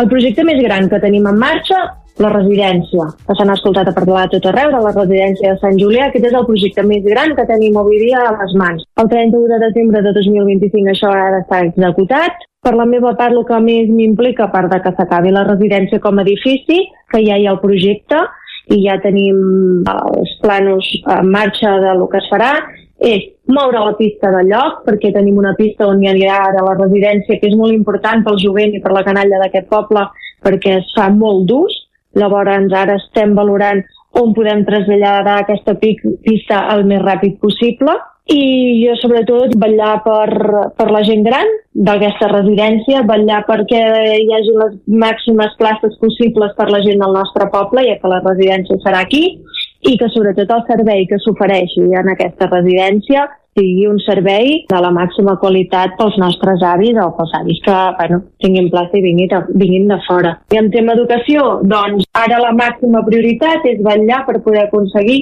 més vetlladores i vetlladors a l'escola. Uh, estem en un punt doncs, que necessitem, i sobretot el professorat necessita ajuda en aquest sentit. És molt difícil, jo sé que el departament doncs, dona X hores, que no n'hi ha més, que últimament doncs, bueno, hi ha moltes retallades i que el sistema econòmic doncs, no ens ajuda tot el que hauria d'ajudar, però per això està l'Ajuntament per intentar buscar unes vies de solucions i subvencions per poder doncs, donar sobretot més vetlladores i vetlladors a el que són les escoles.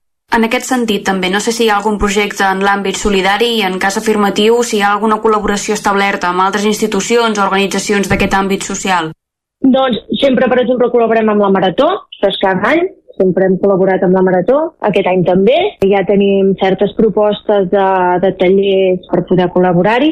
Aquest any també el que volem fer és una xocolatada solidària, participant en l'Hospital Sant Joan de Déu, i que tots aquests diners vagin destinats doncs, a aquests pacients, involucrant tant l'escola pública com la privada, que tot s'ha de dir que la concertada, perdó, que és el Roser, ja ho feia d'altres anys, però a nivell més tancat, i ara estem intentant doncs, poder fer una xocolatada solidària amb les altres escoles. També participem molt amb la donació de sang, també la nostra alcaldessa està molt ficada amb el tema del càncer d'aquí d'Osona. Hi ha un grupet d'aquí al poble doncs, que està molt implicat a fer xerrades i a fer sessions i a fer esdeveniments. Vam fer un conveni amb la Universitat de Vic, l'Ajuntament i l'AXCO perquè les persones disminuïdes no se'ls acabi la vida dels, dels 21 anys, que és quan deixen d'anar a algun centre especialitzat, sinó que es puguin seguir formant i puguin tenir una, una vida més enllà de quedar-se a casa. Hi ha un, noi d'aquest poble que ha començat a la Universitat de Vic,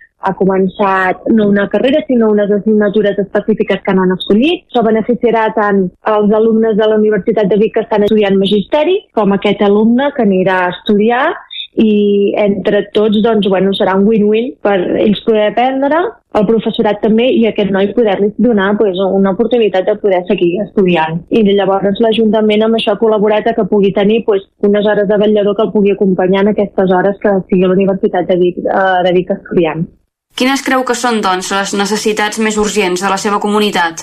Per la meva regidoria pues, seria la gent gran que no té com desplaçar-se, per exemple, al centre de dia. És una de les coses més urgents que tinc a mà, que haig de tractar perquè molta gent gran té algun cuidador o cuidadora. Si aquell dia plou que vam que tira de rodes no, no el poden portar. Aquest estiu que ha fet moltíssima calor doncs tampoc n'han pogut sortir. Llavors vetllar perquè moltes famílies doncs, necessiten recursos de tema d'estris, doncs una grua per poder-los aixecar aixecar, una cadira de rodes, llavors intentar doncs, ajudar-los que tot s'ha de dir que la farmàcia d'aquí Sant Julià, la farmàcia de Comas, ajuda molt amb això, ajuda molt als avis, però bueno, intentar trobar alguna manera de veure com els podríem ajudar una miqueta més, involucrar-los, els avis el que volen és sentir-se escoltats, que no estiguin sols, també des de l'espai activa't, que són tres xarxes, es fan moltíssimes activitats, van molt acompanyats, fan tallers de memòria. Aquí al poble, així en l'àmbit social, doncs estem també tractant molt el que és l'incivisme, no? Intentar doncs que,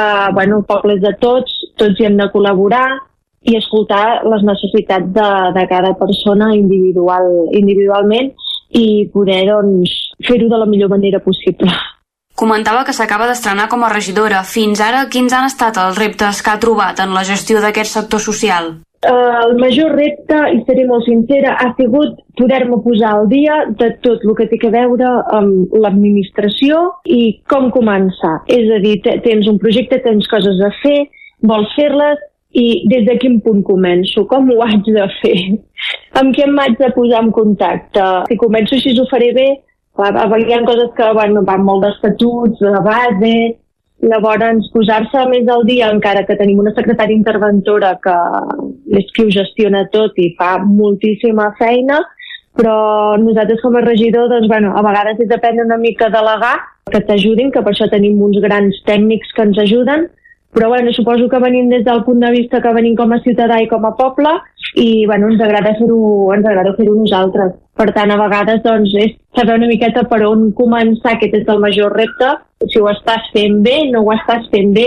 Jo crec que per mi és aquest el major repte, no? Saber que, que el camí que he escollit per fer aquella cosa, aquella acció, ho estic fent bé, és el correcte i que clar, que ningú em dirà que el que estic fent al final estàs una miqueta a la vista de tothom i tothom jutja, no? A vegades quan fas les coses i, i bueno, aquest és, és el meu major repte, que, que quan prengui la decisió de fer una acció o un projecte que realment ho faci bé, que no, no m'equivoqui. I en relació amb aquesta gestió, el finançament també hi juga un paper important. Quines col·laboracions cerca per recolzar aquestes iniciatives en el sector social? Mira, sobretot subvencions. És veritat, són moltes subvencions. Ara, ens, ara, ara tindrem, i tenim el catàleg d'aquest any per demanar subvencions i és molt intentar demanar totes les subvencions possibles eh, encara que ens donguin un tant per cent per poder realitzar totes aquestes activitats. Activitats de festa major, activitats amb l'escola, activitats relacionades amb, amb urbanisme, activitats relacionades amb medi ambient, amb esports.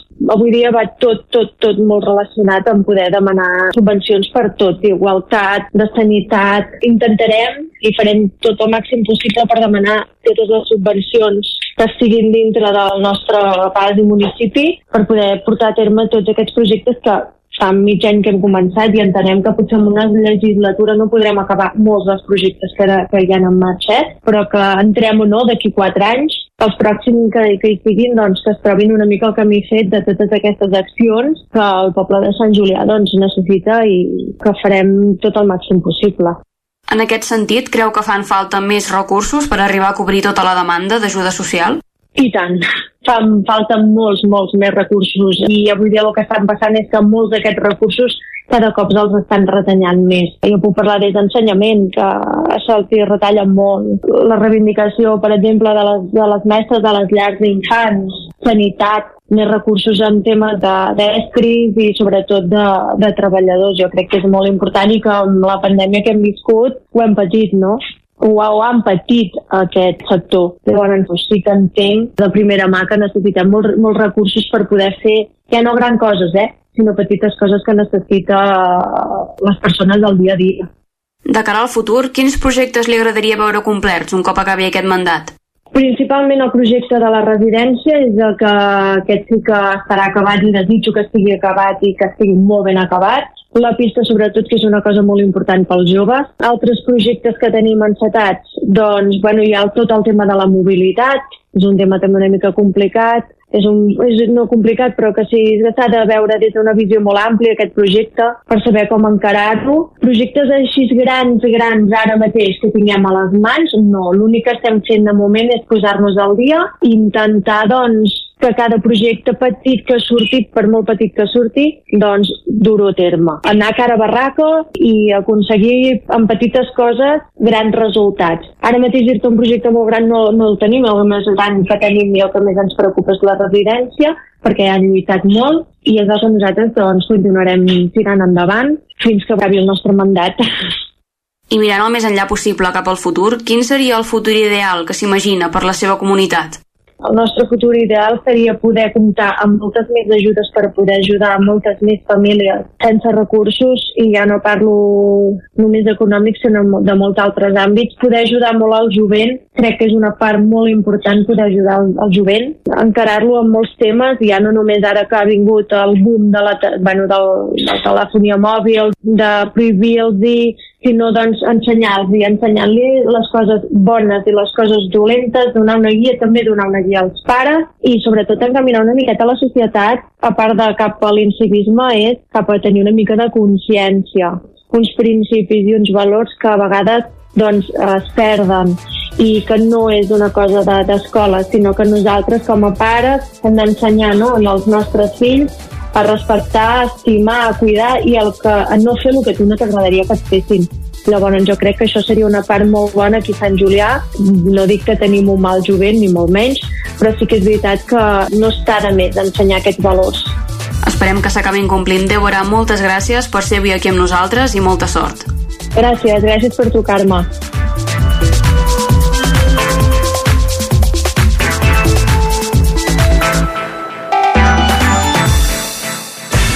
El 9 FM, la ràdio de casa, al 92.8. Cocodril Club.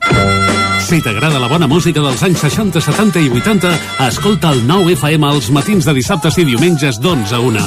És el temps del Cocodril Club, tot un clàssic de la ràdio, amb les bases del pop-rock, les llegendes, les cançons que s'han convertit en autèntics himnes. Recorda, dissabtes i diumenges al matí, d'11 a 1, al 9 FM 92.8. Cocodril Club, el programa revival de l'Albert Malla. Hasta luego, cocodrilo. Quan tingui un problema amb la seva caldera, vagi directament a la solució. Truqui sempre al servei tècnic oficial de Saunier Duval i despreocupis, perquè som fabricants i coneixem les nostres calderes peça a peça. I ara aconseguiu fins a 300 euros en canviar la caldera. Informeu-vos al 910 77 10 50 o a saunierduval.es. Ei, però què fas, nen? Què passa, bro? Per què em crides? Que les llaunes, brics i envasos de plàstic van al groc. Ah, esclar. Reciclar és massa evident per no fer-ho. Les llaunes, brics i envasos de plàstic, el contenidor groc o el cubell del porta a porta. Generalitat de Catalunya. Sempre endavant. El 9 FM, el 9 FM. L'infopodcast del 9-9 amb Sílvia Pedret. Cada dia et donem les claus de les notícies més rellevants de casa nostra. Vivim en una comarca que s'està demostrant pionera en transició. Desperta't cada dia amb l'infopodcast del 9-9. Aquesta setmana tornen a ser notícia els pantans perquè han baixat... El trobaràs a dos quarts de vuit del matí al 99.cat, Spotify, iVox i, si ho vols, te l'enviem directament al mòbil. Subscriu-te als canals de WhatsApp i Telegram del 99. Soc Sílvia Pedret. Comencem. Cobertes serveis funeraris. Els nostres tanatoris estan ubicats en els nuclis urbans més poblats de la comarca d'Osona per oferir un millor servei. Tanatori de Vic, Tanatori de Manlleu, Tanatori de Centelles i Tanatori de Roda de Ter. Sabem que són moments difícils i per això el nostre compromís és atendre-us en tot moment amb un tracte humà, sensible i respectuós. Cobertes serveis funeraris. Telèfon 24 hores 93 883 23 46. Perill de glaçades? Per evitar problemes a les instal·lacions d'aigua en cas de glaçades, Aigües Vic recomana que es prenguin les mesures adients, protegint-les amb els materials adequats. Aigües Vic recomana la protecció amb Porexpan o amb altres materials aïllants, però sempre fàcils de posar i treure per facilitar la lectura del comptador. Per a més informació truqueu al 93 885 2500 o entreu a aigüesvic.com. El 9 FM, el 9 FM, el 9 FM, el 9 FM. En punt, ara mateix dos quarts d'onze al territori 17.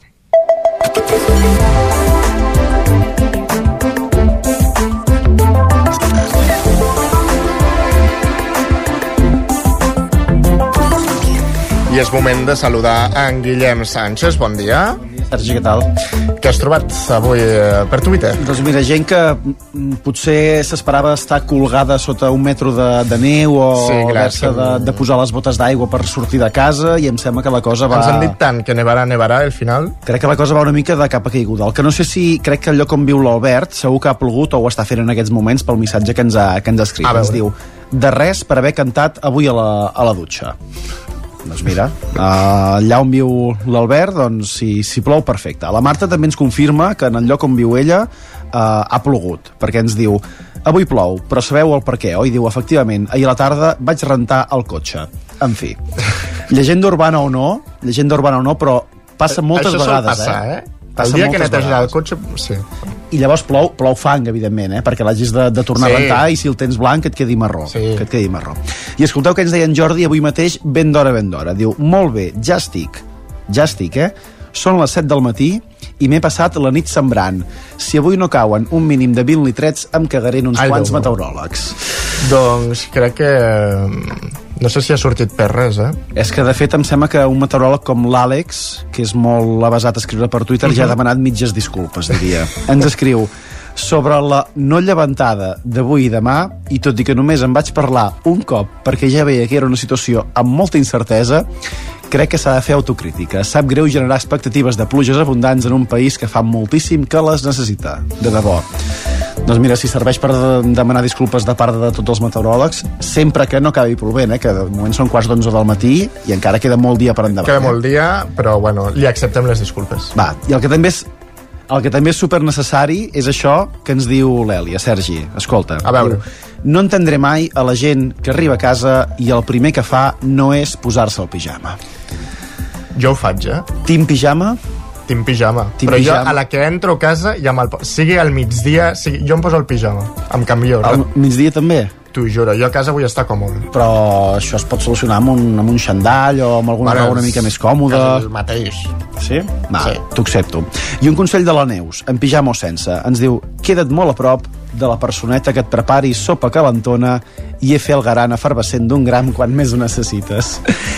Aquests dies toca molt, eh? Molta gent malalta, molta gent amb mal de cap, amb mal de panxa, amb mal de nas, amb mal de coll, amb mal d'orella, amb mal del que, del que sorgeixi. sí, sí. Per tant, millor tenir gent a prop que et pugui fer les coses. Va, i aquesta setmana potser molta gent també s'ha sentit com en Pere avui. Diu, m'he vist obligat a entrar a un, no sé si es poden dir marques o no, eh? Sí. A un centre comercial, ho direm així, un Vale. centre comercial molt gran, molt gran, a canviar un regalo. I ara el repte és gastar... Un regalo, eh? Un regalo, Vale. acabat amb U. Diu, I ara el repte és gastar-se 30 euros en la cosa menys feixista que tinguin abans que un mal gest em faci explotar els 14 quilos de goma d'os que porto enganxats al tòrax. que som terroristes, no pot pas ser això, no pot pas ser. Amb la il·lusió que fa, encara que hagis de canviar un regal, de poder anar a buscar alguna cosa que t'agradi. És que és molt fàcil, és que Ai, és molt fàcil. I això que ens escriuen, no sé si ja us ha passat també, Sergi, diu Ahir vaig felicitar l'any nou a una dona xinesa. Clarament va ser un error. Va ser com si jo fes anys i anés a una altra persona a dir-li feliç aniversari. Quan és l'any nou Clar, xinès? això no ho sé, eh? Això que... Ostres, no, no el celebren al febre... Jo em sonava març, més cap al, cap al febrer, per tant, si algú li va Sí. felicitar l'any nou a aquesta persona, jo crec que sí que es devia Clar, equivocar. any nou i però- a més a més no és 2024, allò. 10 de febrer, 10 de febrer. Uf, doncs encara queda, queda un mes, queda Sí. un mes, evidentment. Va, i molt fan també del missatge de la Marta, que ens escriu estic asseguda en un banc de l'estació on estem tres senyores llegint llibres mentre esperem i visc amb por que algú ens faci una foto i la pengi a les xarxes amb alguna frase del tipus hi ha esperança. Així que he tret el mòbil i he fet jo mateixa aquest. Home, evidentment, ja està T'has solucionat. d'avançar, t'has d'avançar. I tu, Sergi, quan vas a la perruqueria, què? Uh, debat del rentacaps. Útils, no són útils, són còmodes, no són còmodes, què en penses? A la perruqueria que vaig jo són molt còmodes. Doncs així no ets del... les, les, les butaques són... Doncs així no ets del team d'aquesta persona que ens escriu avui això. Diu, he anat a la perruqueria perquè m'arreglessin el serrell i m'han destrossat les cervicals. Com pot ser que els rentacaps siguin encara tan incòmodes a aquestes alçades de segle XXI? Es pot dir el nom de la perruqueria on vas, a veure si podem agafar idees? Però no és a Vic, eh? Ni No a Osona. Vic? Ostres, doncs malament, malament. Ens haurem de desplaçar uns quants, uns quants quilòmetres. En canvi, això que ens escriuen és de les millors sensacions que es poden tenir en un dia qualsevol. Sergi, escolta. A veure.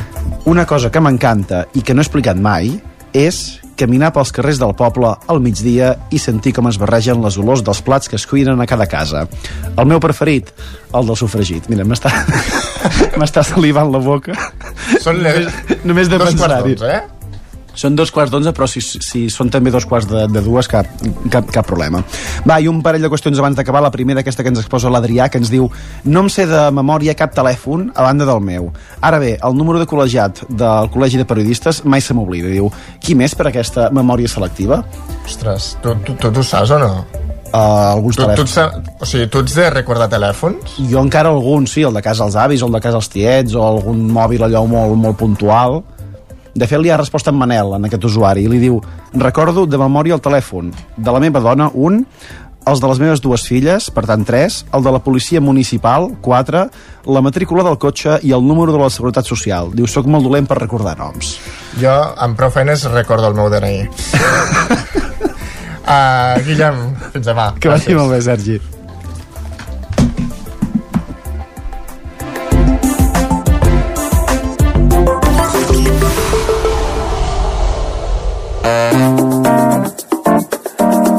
Territori 17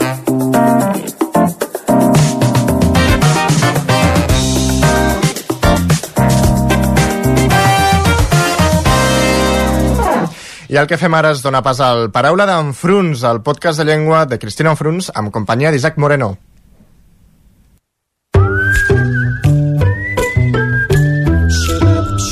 Paraula d'enfruns, el teu podcast de llengua.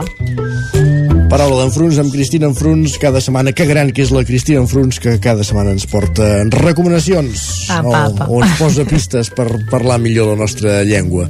Perquè avui va de, la cosa va de dimensions. Ja ho no? sabies, eh? Eh que sí? doncs bé, sí, avui eh, intentaré explicar-vos la diferència que hi ha entre gran i gros, que mm, malauradament a vegades ho fem malament. D'acord. Mm? Uh, a vegades hi ha una confusió entre, aquest, entre què he d'utilitzar gran o gros, eh? I, i, I és una confusió que cada vegada tendim més a fer servir l'adjectiu gran i gros va quedant relegat. Mm? Ho explicarem. Quan ens referim a la superfície, la capacitat, la quantitat o la, intensitat d'una cosa, utilitzem l'adjectiu gran. Per exemple, sabates grans, una casa gran, un gran esforç. Sí. Gros, en canvi, s'utilitza per fer referència al volum. Un meló gros, un gos molt gros. Eh?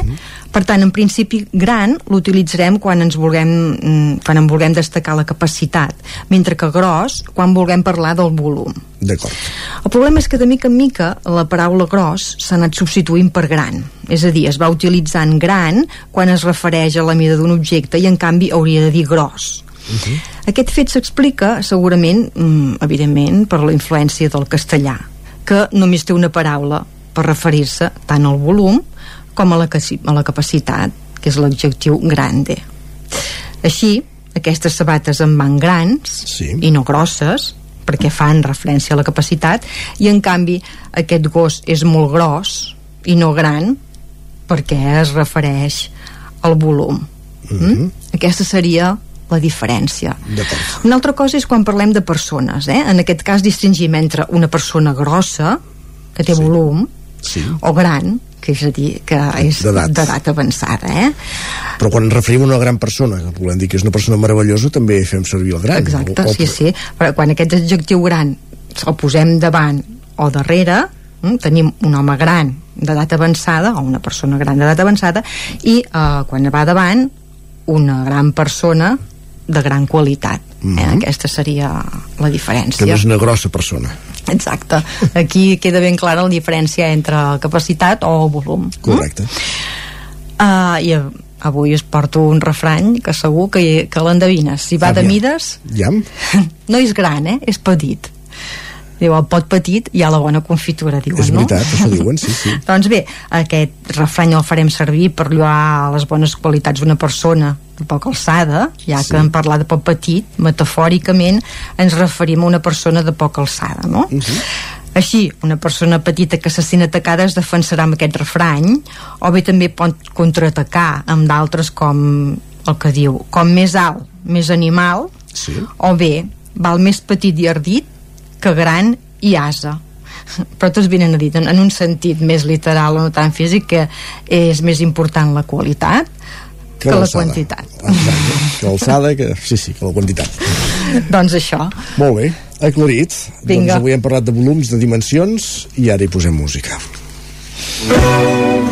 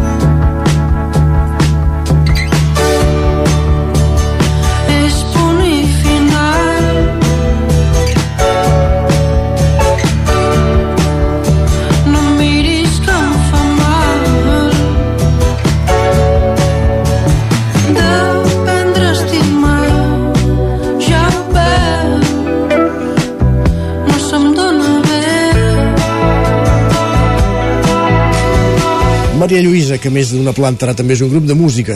Exacte, eh? I, portaven aquesta cançó Cauen flors. doncs bé, eh, comencem ja per aquest Maria Lluïsa. Eh, recordem, tant aquest grup com la, mm, la infusió la, mm, és una planta, no? Amb, tota escrita, tota junta, eh? Pensem-hi. Uh, és tota una paraula Uh -huh. Maria Lluïsa. Exacte. I uh, el cançó ja comença un apunt, un apunt ben simple, eh? que comença dient com et puc dir adeu, recordem, recordem aquest adeu, ja fa molts anys, ja, ara ja fa anys, va sortir la nova gramàtica i aquí uh, aquest adeu aquest adeu ha de- d'anar fora l'accent, eh? que encara encara segur que el, el trobem accentuat en molts llocs. També per militància, hi ha qui reivindica que els agrada més. No? Sí, n'hi ha de tossuts, eh? N'hi ha de Exacte. tossuts que volen, no volen treure aquests diacrítics que, que ens fan treure. Uh, bé, a part d'això, uh, quan diu aquí és punt i final, mm? Sí. Doncs bé, probablement per analogia amb punt i seguit i punt i a part s'acostuma a intercalar la conjunció i a l'expressió punt final. Qui busqui l'expressió punt i final als diccionaris generals, el DIEC, el, G, el del GD, el 62, no li trobarà. Eh? Per tant, eh, no existeix. I també aquesta expressió que diu no se'm dona bé, eh? una expressió que és incorrecta. Sí. Hi ha altres opcions, eh, podríem dir això no és el meu fort, no me'n surto gaire, no em va gaire bé. Altra cosa és que aquí li puguem ficar, eh? Però bé, aquest no se'm dona bé, sí que segurament ens sona ja una mica castellà, eh? Una mica molt. Amb aquest verb donar, que també hauríem... Bé, el podem treure d'aquí. Molt bé. Doncs hem eh, estudiat també aquesta cançó de Maria Lluïsa avui per completar aquest podcast Cauen Flors i que hem dedicat a, a això, a les diferències entre gran i gros. Cristina, i tornem la propera setmana. Vinga, adeu-siau. Gràcies.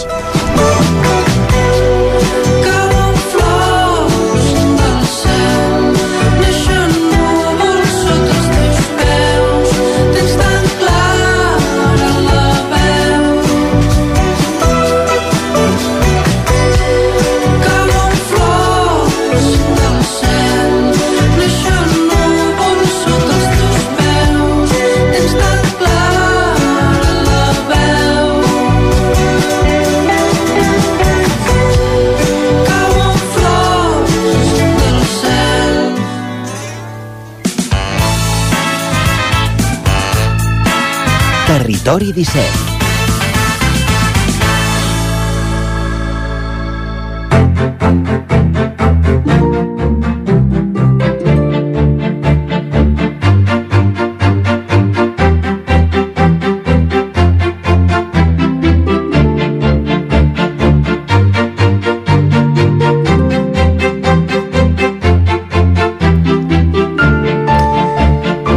Són tres quarts d'onze del matí, com cada dimecres acabarem el programa amb el Lletra Ferits i avui ho farem amb Marta Simón de la llibreria Muntanya de Llibres de Vic. Bon dia, Marta. Bon dia, què tal?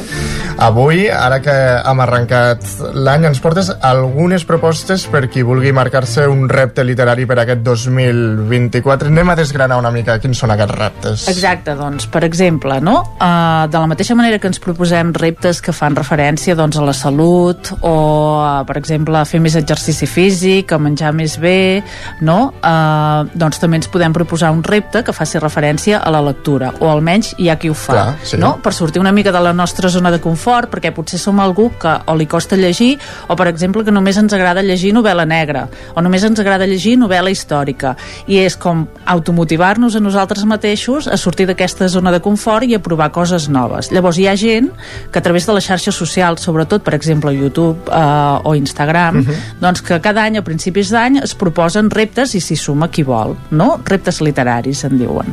No sé si n'has fet mai cap, tu? Jo no n'he fet mai cap, però aquest any sí. Sí? En tinc un. Quin? Pues jo m'he marcat el repte de llegir un, un llibre dens per poder treballar la concentració. Això és molt important, eh?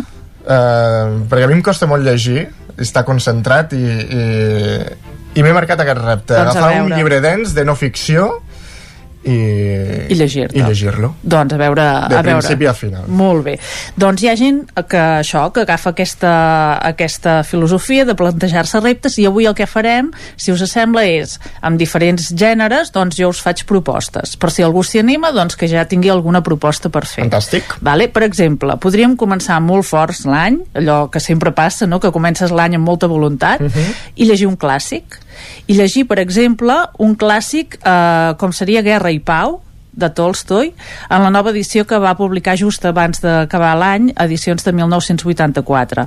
És la primera vegada que aquesta obra es tradueix al català directament del text canònic rus. Val? Per tant, és una obra magna, és una uh -huh. publicació important, s'ha difós molt, se n'ha fet molta publicitat, i la traducció, que, clar, traduir uh, Guerra i Pau de, directament del rus, doncs, és una una empresa d'envergadura, l'ha fet Judit Díaz Berneda. Uh, és una obra d'envergadura, com dèiem, en tots els sentits, perquè són dos volums, o sigui, és un llibre molt llarg, i a més a més es tracta, Guerra i Pau, d'una de les obres mestres del segle XIX, que és un fresc històric que inclou més de 500 personatges com a llibre dens, aquí ho tindries però és de ficció 500 personatges i històrics té pinta ser molt dens Sí, no? bastant dens, però ens narra la història això de dues famílies de la noblesa russa des de les guerres napoleòniques fins eh, a la segona meitat del segle XIX quan tot aquest món no, de la noblesa, tot el món que elles eh, han viscut doncs ja comença a desaparèixer. Per tant, aquesta seria la primera proposta. Primera proposta. Guerra i Pau. Fantàstic. Podríem llegir també, per exemple, una novel·la històrica, no? Uh -huh. I jo aposto per viatjar fins a la Roma imperial i llegir Tiberi Cèsar de la Núria Cadenes, que ha estat publicat per l'editorial Proa. Tiberis Juli Cèsar va ser fill de, uh, de Líbia, successor del gran August i segon emperador de Roma. Va ser una figura bastant controvertida, perquè... Uh, se'l defineix com un home d'esperit torturat, enamorat, taciturn, cruel, però també culte a la vegada.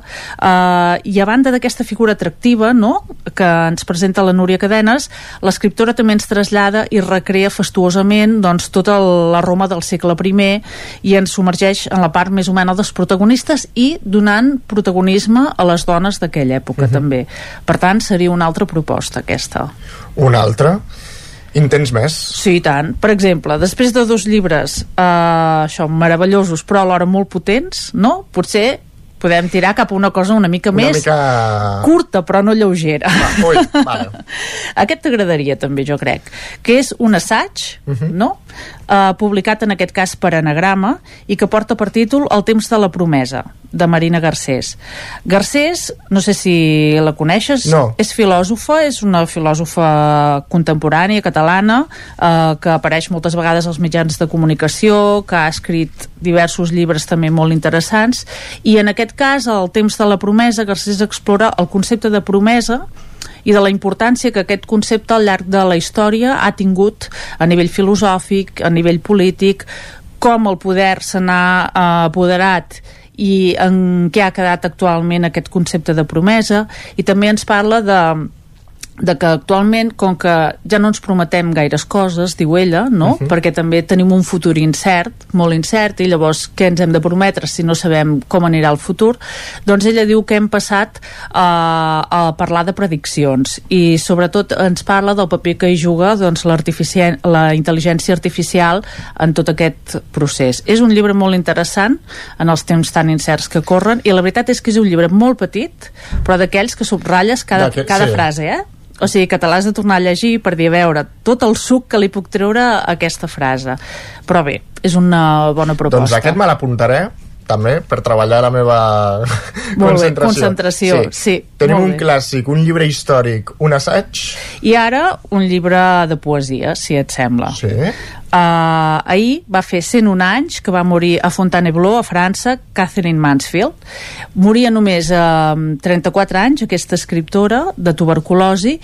Va morir molt jove, però de fet va tenir una relació molt intensa amb la literatura i fins a darrera hora. Per tant, sí que, malgrat la seva joventut, doncs tenim l'oportunitat de llegir doncs, contes i també tenim els diaris, tenim diversos relats, o sigui, és diversa ja l'obra publicada en català de Mansfield i ara també tindrem la sort de poder llegir en català per primera vegada una antologia de la seva poesia. Uh -huh. La publicarà el mes vinent la Breu Edicions, eh, que és una editorial molt interessant, i portarà per títol Salvatge i Freda, amb traducció de Marcel Riera i en pròleg de Marina Porres.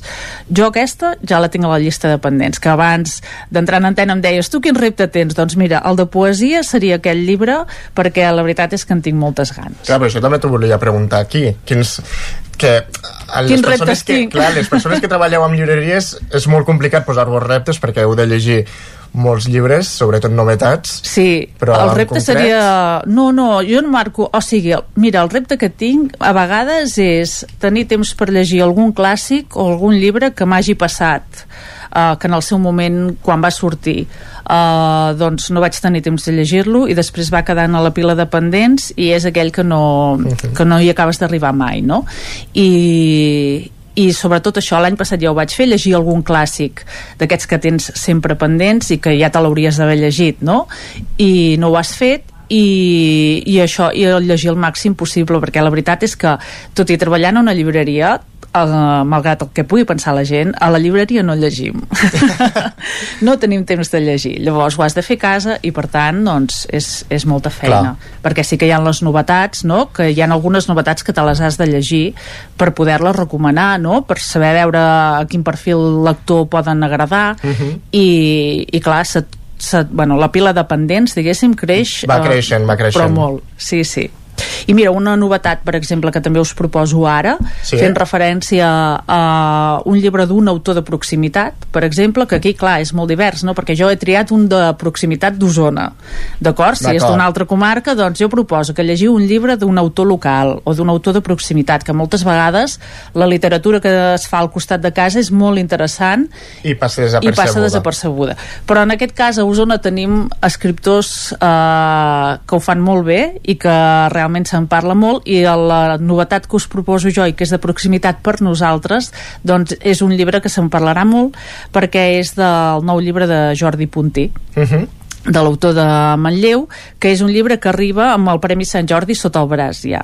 Uh, és el llibre Confeti, que també sortirà publicat el mes vinent, i de fet hem hagut d'esperar força temps perquè Jordi Puntí publiqués la seva segona novel·la perquè ha anat publicant llibres però de la segona novel·la hem hagut d'esperar 14 anys després de Maletes Perdudes. Per tant ja tenim ganes de llegir aquest nou llibre del Manlleuenc i en aquesta història en aquesta història hi explica la vida de Xavier Cugat que va ser un català que va emigrar de molt petit, em sembla que tenia 5 anys, a Cuba i després als Estats Units, on es va fer famós com a director d'orquestra, també portava una vida molt excèntrica, bé, molt, molt també molt, que donava molt, molt a parlar.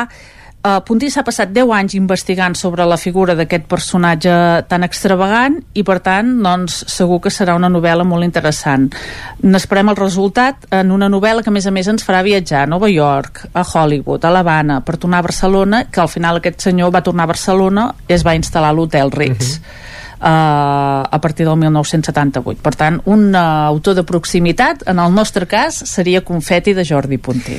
I abans que parlàvem de començar a llegir i això ja, si algú es proposés el repte aquest any de vinga, anem en sèrio amb la lectura, ens posem a llegir què recomanaries? Un llibre així fàcil, que no sigui dens, fàcil Home, lectura? sí, jo crec que, per exemple, una novel·la de ficció, clar, depèn molt de cadascú, això, eh? Perquè... Clar, també els gustos, no? Sí, Bueno. si, per exemple, ets una persona que t'agrada molt seguir l'actualitat o pensar, no? doncs llavors potser no triïs ficció, potser tria, per exemple, un llibre d'assaig, però que sigui més divulgatiu, que avui en dia n'hi ha molts no? que ens parlen de la situació del món o de la humanitat o fins i tot de la, de la filosofia, però des d'un punt de vista molt divulgatiu. Doncs jo començaria per aquí.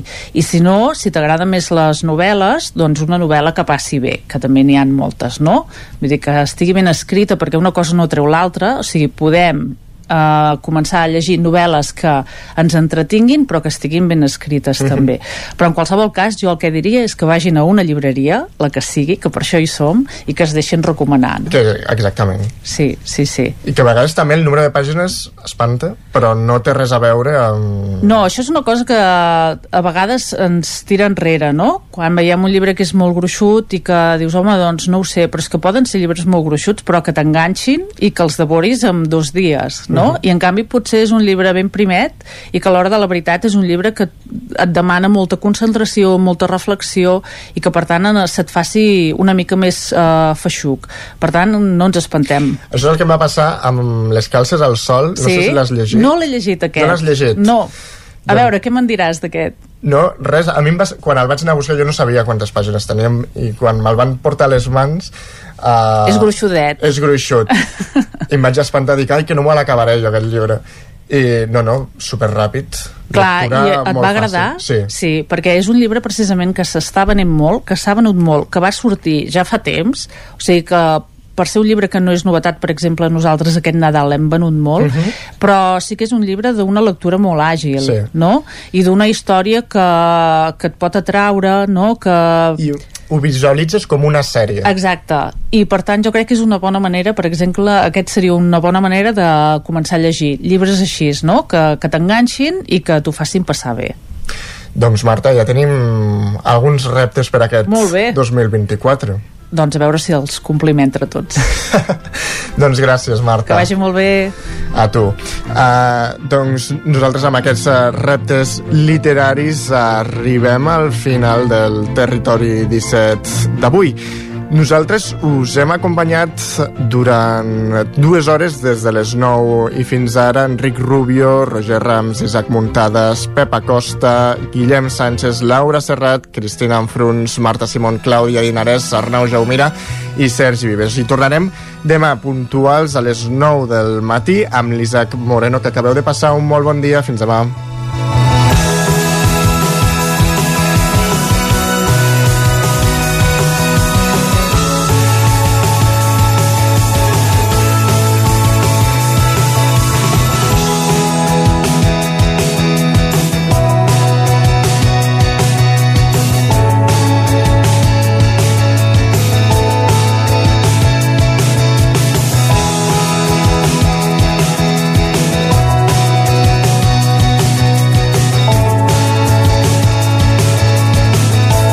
Territori 17, un magazín del 9 FM, Ona Codinenca, Ràdio Cardedeu, Ràdio Vic i La Veu de Sant Joan, amb el suport de la xarxa.